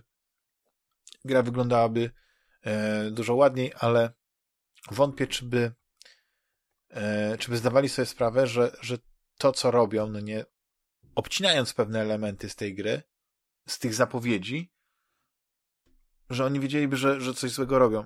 Teraz wiedzą, no bo, bo, bo posypała się krytyka. Tak? Jeszcze, Ale... jeszcze, tak jeszcze powiem ci, mówiąc to, że właśnie e, optymalizacja. Ja tę grę skończyłem na tej bazowej PS4. E, ja też. I naprawdę nie byłoby źle. Ona była na początku bardzo brzydka. Tak jak nazwałem ją najbrzydszą grą, a jaką grałem. Później podciągnęła się i były momenty naprawdę bardzo, tak jak powiedziałeś, bardzo fajne, potrasowane. Widać, że tam wiesz, dopracowane, szczególnie te takie postaci fabularne były e, na, na wysokim Można poziomie. się zakochać, można. Ale y, zauważyłem jedną rzecz i zorientowałem się bardzo późno, bo na początku ta gra miała jakiś taki dziwny filtr, tak mi się wydawało przynajmniej, że ona mm, była strasznie ciemna w pomieszczeniach. Ja tego nie zauważyłem, a później zauważyłem, że ta gra w ogóle nie ma cieni, jeżeli chodzi o tą wersję PS4. Nie wiem, czy też na to zwrócić uwagę, ale jak się wychodziło w dzień, to, to, to nie było w ogóle cieni, nic nie rzucało cienie. E, Także były, wiesz, to były posunięte suwaki na dół. Ale to, co powiedział ten, przepraszam, nie pamiętam jak nazywa się CEO e, Cyberpunka. E, Iwański? Mike Ponsmith? A, tak, no. E, że oni chcieli stworzyć najbardziej imersyjną grę, jaką zapewnić najbardziej imersyjne e, doświadczenie. Dlatego ta mapa jest taka, nie inaczej, że to są jakieś tam bufery, bufory, nie inne pierdoły. E, ja, ja tego nie kupuję, bo chcieli jak najbardziej imersyjną grę zrobić, ale zrobiliście menu, gdzie się pauzuje i, i jakieś, wiesz, wybieranie 10 tysięcy rzeczy, które wybija z imersji, a nie jakieś, wiesz, szybkie menu, które się wyświetla ci w HUDzie, gdzie mamy przyszłość. Ja nie kupuję takich, wiesz, e, tego hmm. tłumaczenia, mm, że ta gra. No, ale to jest też marketing, wygląda... wiesz, to, to jest. Ale nie, nie, nie kupuję jest... tego, tego tłumaczenia, że ta gra wygląda tak, jak wygląda, ze względu na jakieś ograniczenia konsol i tak dalej. Ja uważam, że można było zrobić mniejszą skalę, równie dobrze wyglądającą grę, która miałaby jakieś, wiesz, ładowania spokojnie. To ta gra nie, nie musiała mieć, jasne, to nie musiało być tak, jak wiesz, jak mamy w Deus Exie, że wychodzisz przez jedną bramę masz ładowanie, wchodzisz do jakiejś. Oni jestem w stanie, że na tej technologii mogli zrobić coś jak Wiedźmin i to by, wiesz, podzielone na sektory, wiesz, jakieś jedno miasto, jakaś jedna wyspa, wiesz, z jakąś bramką, gdzie się przejeżdża. Jak wjeżdżałeś nomadem do, do miasta, to miałeś w ogóle jakieś przejście graniczne, na które już później nie trafiłem. To może tak by było trzeba zrobić, że wyjeżdżasz na te bedlancy, to tam jest, wiesz, jakieś zupełnie nowe obszary, wszystko się doczytuje, wszystko się, no, coś, coś takiego zrobić. I tak miałeś do ładowywania na, w każdej windzie, Mm, wiesz, więc nie rozumiem. no to wiesz co, to już jest taka, to już są takie decyzje, y, że tak. moim zdaniem mniej, mniej znaczące, wiesz, bo na dłuższą metę to... Miałeś e, wyścigi, robiłeś czy, wyścigi? Czy to ci się gdzieś, no, e, nie, nie. No to y, proponuję cię teraz... Bo ja za samochodem szybka, tak jakoś tak średnio się sprawdza. Strasznie, e, są, są wyścigi i jak wypadniesz z trasy, to masz loading, taki kilkudziesięciosekundowy. A, a wiesz, że fizyka jaka jest w tej grze samochodów czasami jest normalna, czasami potrafi twój samochód wyrzucić na 40 metrów do góry i nagle masz loading. I, i wiesz, to, było, to były fatalne doświadczenia. Ale e, jeszcze, bo dużo rzeczy skrytykowałem, a chcę pochwalić pewne rzeczy, bo no właśnie, taki, taką, taką łyżkę miodu do tej beczki dziegciu. Znowu, ale wiesz co, e, i tak nie, nie powiedziałem wszystkiego, bo jeszcze powiedziałem, chcę powiedzieć jedną rzecz. Ja sobie, można sobie tą grę rozgrywkę swoją bardzo łatwo popsuć. Bardzo łatwo popsuć takim głupim ułatwieniem, bo w pewnym momencie robiłem postać techniczną, która sobie tam strzelała, yy, kraftowała, ulepszała bronię i byłem bardzo zadowolony, ale w pewnym momencie mówię, idę w inteligencję i zobaczę, jak jest to hakowane. Zresztą rozmawialiśmy o tym, że ja sobie tam yy, bawiłem się i w, różne opcje, różne, no sobie garotę tą taką yy, laserową założyłem, a to sobie ostrza modliszki założyłem, a to ręce goryla, więc yy, sobie tam cudowałem i generalnie ręce goryla to są po prostu silniejsze ręce. E, ta garota to jest do kitu, to nie działa. Ja wyobrażałem sobie, że to będzie, wiesz, taka jak laserowy biczek z Johnego Mnemonika i jak pokazywali właśnie chyba w jednym trailerze, że gdzieś tam się wokół ręki komuś zawiązała. Nie, tak nie jest. To jest po prostu tak, jakaś taka dziwna, bardzo dziwna e, broń, która nie jest zbyt celna. E, natomiast zacząłem hakować i to już to Bridge Pro, łamanie protokołu jest tragedią, to ta, ta gierka, ta minigierka, która zrobiona 20 razy jest jeszcze ok, ale 200 razy to, to, to jest po prostu aż dostaje człowiek torsji, jak słyszy tą muzykę i musi te głupie numerki klikać. Tyle, że e, hakowaniem, zakładając pewne haki, możemy nie wchodząc do budynku zabić wszystkich, którzy tam są. Wirus bierzemy, i po prostu widzimy jak na minimapie, jak te postacie padają jedna za drugą. A jesteśmy w pewnym momencie bardzo szybko, bardzo potężni, a jeszcze jak będziemy sobie sami robili te haki, to wydaje mi się, że po prostu bardzo szybko się tę grę przechodzi. Te wszystkie misje dodatkowe się bardzo szybko e, kończy, bo po prostu stajesz sobie przed budynkiem, hakujesz sobie kamerę i znajdujesz tam, gdzie jest najwięcej tych, tych przeciwników i robisz ten atak wirusowy, oni umierają, a później ewentualnie dwóch mhm. ostatnich wykończasz jakimś tam, powiedz cudzysłowie, krzyczarem i wchodzisz i po prostu zbierasz i tutaj można sobie popsuć grę. Ja sobie takim popsułem. Straciłem dużo fanów, musiałem na siłę wchodzić znowu w strzelanie. Hmm. Znaczy zmusić się do przestawienia, bo, bo przez tak, no bo cy, cyberpunk... miałeś ten easy mode, a chciałeś po prostu, żeby nie było cały czas easy. Mhm. Ale wiesz, to było łatwe, chciałem jak najszybciej skończyć, jak najwięcej znaleźć rzeczy, to to jest takie, takie było dziwne, błędne koło. E... Ale widzisz, to jest, to, ale to jest, I to jest e, to, zupełnie niedopracowane. rozpuściłeś się, jak tatarskie siodło po prostu, e, wygodnictwo. Bo ja na przykład na początku grałem skradankowo i starałem się jak najmniej yy, zabijać, nie? Tam strzelać i tak dalej. Ale faktycznie mi się strzela dosyć przyjemnie i na przykład moje drugie podejście jest takie, że ja y, w większości przypadków robię guns blazing. No I właśnie w te poszedłem w te, te umiejętności, w ten refleks, te rzeczy, które mi pozwalają lepiej operować właśnie tą bronią palną, bo broń biała znowu też jest, oj, mega satysfakcjonująca. Na przykład katana. Ja odkryłem katanę dosyć późno, nie? To tam w połowie mojej, mojego przejścia, bo wcześniej się trochę bawiłem tam jakieś tam y, piąskowanie, to znaczy nie, nie z przeciwnikami, tylko po prostu. Ale jak odkryłem katanę, i to jak ona tam sieka, wiesz, rozcina i tak dalej, i ile też e, obrażeń zadaje, to w pewnym momencie byłem niemal e, całkowicie przestawiony na ten, e, tę rozgrywkę. Mhm. I to jest, ona, tak, tak gra, no pod tym względem, no nie można jej zarzucić, że po prostu ten, być może faktycznie ten, ten, w cudzysłowie, ta moc, ta, ta, ten czar jest zbyt, zbyt potężny, tak, że puszczanie tego wirusa i tak, tak, tak łatwy sposób wybijanie tych przeciwników nie powinno być tak proste. Ono powinno być możliwe, ale być może zrobić z tego coś takiego, wiesz, strasznego, że łatwiej cię wykryć gdzieś, gdzieś ten, bo też jest tak, że jak walczysz z przeciwnikami, oni też w ciebie uderzają, nie? Różnymi mocami. Ciebie próbują hakować, nie? Rzucają ten, te, to podgrzewanie i cały czas jesteś, wiesz, e, pod takim srogim atakiem. No ale co by nie mówić pod tym względem, no też e, nie, nie jestem na przykład, ja, ja bym tutaj nic nie, nie zarzucił, no bo ja znowu też nie, nie rozwinąłem w sobie tych, tych mocy. Więc nie, nie poznałem tego. Jest, jest ten taki szczep. Bycie jest, OP jest taki wszczep e, respect, który pozwala ci na e, zmianę całkowicie swoich e, tych, tych, tych wyborów i mhm. wydaje mi się, że może warto już jak masz tam jakiś jeszcze save z końcówki po prostu sobie sprawdzić i, i tak. jak to wygląda, bo to może być mm, no po prostu spróbować jakiś inny styl, tak, gry i tak. skończyć parę zadań mm, inaczej, ale jeszcze co mi się nie podoba Wszyscy mają. No myślałem, że będziesz teraz ten tym Nie, jeszcze ostatnia, jeszcze, jeszcze ostatnia rzecz. Więcej dzieciu, więcej Ostatnia rzecz, naprawdę. E, to trochę komentarz do tej, mm, do wątku głównego będzie, ale też do, e, do tego, że wszyscy tam mają wszczepy. Ten świat jest, nawet dziecko na ulicy ma już zrobione oczy. E, wszyscy mają wszczepy. I nie ma przeciwników, którzy tych wszczepów nie mają. To mnie zawsze, to, to, znaczy to mnie zawsze, to mnie bardzo zdziwiło, że yy, nie ma jakiegoś Arasaka oddziału, czy w ogóle jakikolwiek y, ludzi, którzy nie są zmodyfikowani i właśnie na których takie czary nie działają.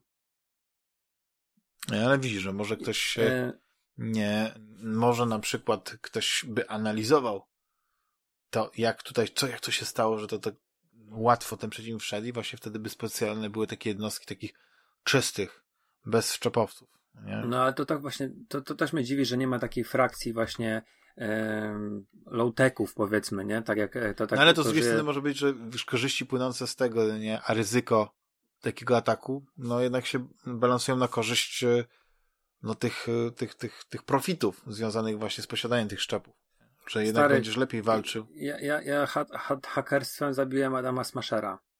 On nawet nie odszedł od drzwi to, to było na, na, na 20 poziomie inte, inteligencji, to, to właśnie tak działało, że to po prostu było bardzo, bardzo silne, z tym najlepszym e, dyskiem i, i mm, dobra, ale teraz kontynuując wątek główny, główny tak, czyli y, mhm. trochę mi się nie podoba jeszcze, że Arasaka właściwie nic nie robi i to jest taki trochę przestój, że my sobie rozwiązujemy te zadania, gdzieś tam sobie jeździmy po tych e, różnych bedlandsach i, i tych takich dziwnych e, questów dla, mm, dla Worda robimy sobie, ale nikt nas nie niepokoi. Ten, jeżeli sobie nie, e, powiedzmy, nie zaczniemy pewnego questu e, z mm, Takemurą, to właściwie Arasaka sobie śpi. I mi się to nie podobało, bo oni doskonale wiedzą, kto ma chip, oni mają ciebie, wiedzą, kim jesteś, mają nagranie i brakowało mi czegoś takiego, że na przykład, nie wiem, na początku e, wystawiają jakiś list gończy na ciebie, nie? E, no chciałbyś żyć cały czas tak, że grałbyś i na, na stopie, tylko się gdzieś pojawi policja w A, odrębie, nie wiem. Trochę, nie, nie, nie mówię, nie mówię na ciebie, tylko mówię, kontrakt jest na ciebie, na przykład ileś tam Eddie i wysyłają na ciebie spersonalizowanych, konkretnych 12 zabójców na przykład, z którymi musisz sobie poradzić. Oni będą losowo się w różnych momentach pojawiali, poza misjami załóżmy, nie? Poza tymi takimi miejscami, gdzie masz jakąś tam misję ważną, żeby ci nie spieprzyli, ale... No tak, ale sobie... puściliby ci jednego wirusa na odległość, nawet byś nie wiedział, z którego kierunku przyszedł i byście no, usmażyli. To jest game problem. over.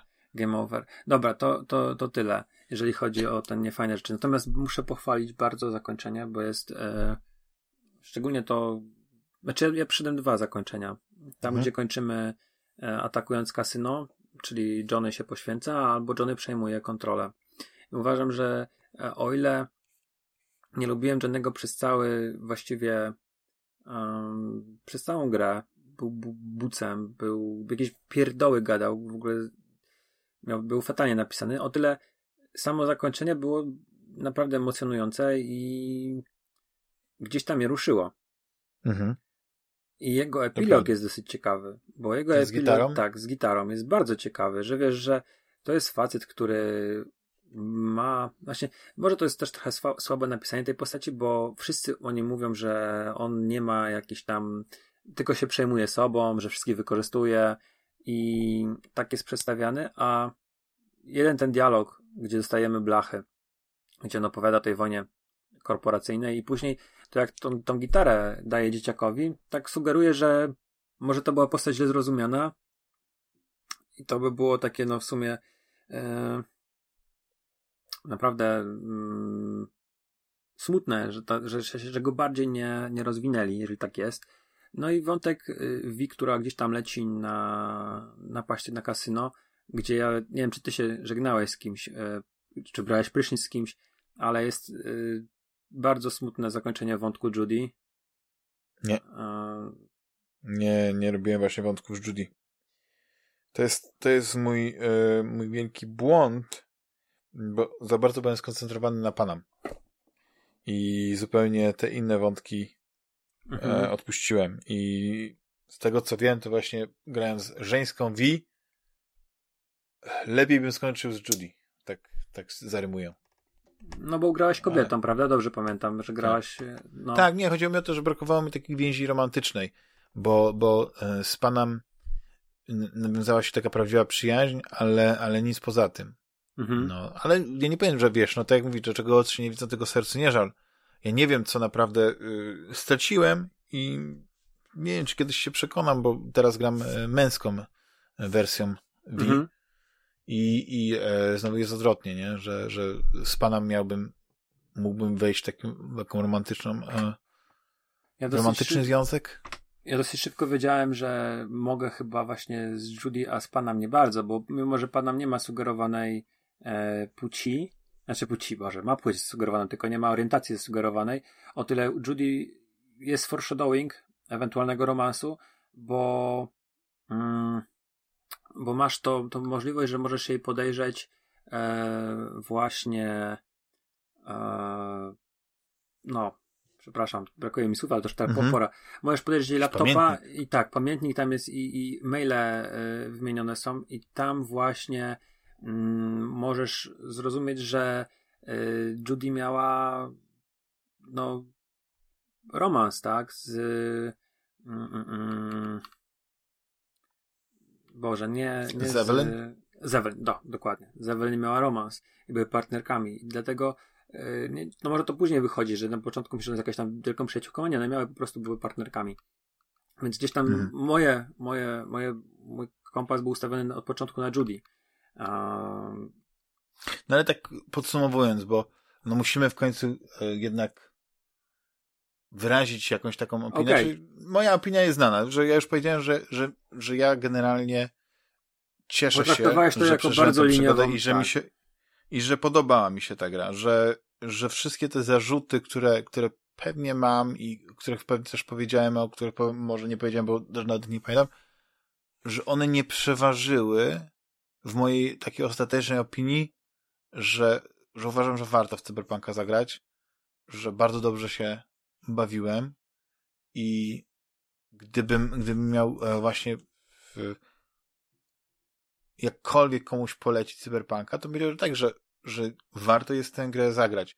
Yy, przestrzegamy przed wieloma rzeczami i studzimy oczekiwania, przynajmniej tak, tak mi się wydaje, ale ja generalnie nadal bym powiedział, że tak, że to jest jedna z tych gier, które, które warto zagrać. Być może dla kogoś, kto chciałby uniknąć pewnych mankamentów, on ma czas, czy ona mają czas, żeby poczekać, aż wyjdzie więcej patch, aż ta gra będzie bardziej do, do, do, doszlifowana, ale jednak e, uważam, że warto zagrać. I nie wiem, jaka jest e, ostatecznie twoja, Rafala, opinia na temat Cyberpunk. Dzisiaj mi kumpel pokazał, że ta gra kosztuje już 150 zł, co trochę mnie zabolało, bo jakiś tam sklep miał obniżkę, bo ja płaciłem pełną cenę i to jest trochę takie smutne, że a ja kupiłem wersję kolekcjonerską no, to... za jeszcze większą cenę niż w Polsce. Myślałem, że w Polsce już kolekcjonerek nie będzie. Zresztą pewnie przesyłka z Polski tutaj też by kosztowała, więc zapłaciłem naprawdę sporo. I to jest mój jedyny ból w stosunku do tej gry, bo y, mimo tych wszystkich moich krytycznych uwag, to uważam, że rozrywką była niezłą, momentami męczącą, momentami gubiącą tempo i dużo rzeczy zdaję sobie sprawę tych moich takich pobożnych życzeń, które tutaj wyrażałem, były mm, no, może nie na miejscu, bo ja się nie znam na robieniu gier, jestem tylko odbiorcą. Może to nie było fair, bo oni mieli mało czasu, znam te wszystkie zakulisowe rzeczy z tych artykułów, e, ale no mam jakieś tam powiedzmy, to, to co dostałem sugerowało, sugeruje mi, że to mogło być dużo lepsze i niekoniecznie chciałem obcować z Mesjaszem, powiedzmy, bo tak był trochę ten, ten hype na, na tą grę, sugerował w pewnym momencie, że to będzie naprawdę coś z innego poziomu niż do tej pory mieliśmy, że to będzie jakiś naprawdę e, przełom, a dostałem grę w wielu aspektach taką dwie genera znaczy generacje wstecz, czyli tą teraz dwie generacje wstecz. W mhm. wielu, wielu aspektach tak, ta gra się trzyma nogami bardzo silnie tamtej, tamtej generacji. I mm, ja ją polecam tej cenie, jaka jest teraz, to jest super deal. Ta gra jest, zapewnie wam, jeżeli lubicie tak typu rozrywka, e, zapewnie wam wiele godzin, a poza tym ja liczę, że tam jeszcze mimo wszystko coś pozmieniają, że będziecie mieli jeszcze fajniejsze doświadczenia, mm, że będziecie mogli doświadczać tej gry z lepszym menu, z lepszym systemem sprzedaży broni. E, no bo e, i, mam nadzieję, że coś zrobią z, ba z balansem niektórych rzeczy, że właśnie mm, może, może jakieś ciekawe, zrobią jakąś pulę ciekawszych broń z jakimiś dodatkowymi rzeczami, bo tych modeli broni jest naprawdę bardzo dużo. One są najlepszym elementem gry po postaciach i wątkach tych takich głównych.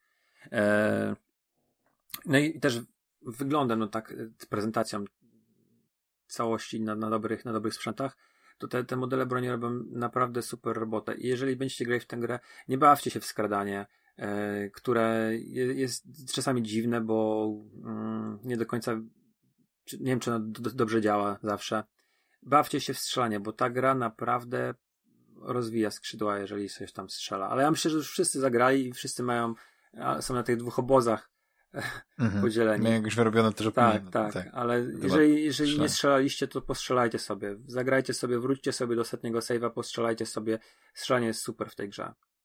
I żonglujcie brońmi, bawcie się tym. Nie, nie trzymajcie się tak jak ja, trzymałem się cały czas Widow, Widowmakera i, i nie zmieniałem, tylko sobie go, po prostu znajdujecie nową broń o trochę lepszych statystykach, próbujcie ją, tak jak e, tak jest chyba naj, naj, najfajniej ta, to, doświadczać tego, bo tam to jest najlepszy element. Mhm. To prawda. No to co, Rafale? Udało nam się trochę z, z lekkim opóźnieniem, ale nagrać ten, ten spory cast Cyberpunku. O Cyberpunku 2077. Yy, no i co? No i ja myślę, że do, na pewno jeszcze kiedyś wrócimy do, do tej gry. Szczególnie jak wyjdą właśnie te DL, DLC-ki mhm. e, i, i wtedy skonfrontujemy na przykład co udało im się naprawić z tym, jak to było teraz i być może to będzie taki, taki jak to się mówi, taka historia z, y, z takim pozytywnym zakończeniem. Taki naprawdę pozytywnym, pozytywnym. No, ja mam taką nadzieję, bo ta gra zasługuje na to, bo ona ma naprawdę olbrzymi potencjał. Tam jest, yy, to jest tak jak powiedziałeś, fajnie gdyby wracali do, tej, do tego świata, bo ten świat yy, ma miejsce na, na dużo fajnych historii, tylko że fajnie trzeba je zaprezentować jeszcze no, przy okazji. Dokładnie. Dziękuję Ci, Rafale, w takim razie za yy, wyczerpującą, mam nadzieję, dyskusję. Dziękuję wszystkim naszym drogim słuchaczom. No co, słyszymy się za, za tydzień. E, pamiętajcie, żeby odwiedzić nas na www.fantasmagieria.net, na Facebooku, na grupie. Hej. Cześć.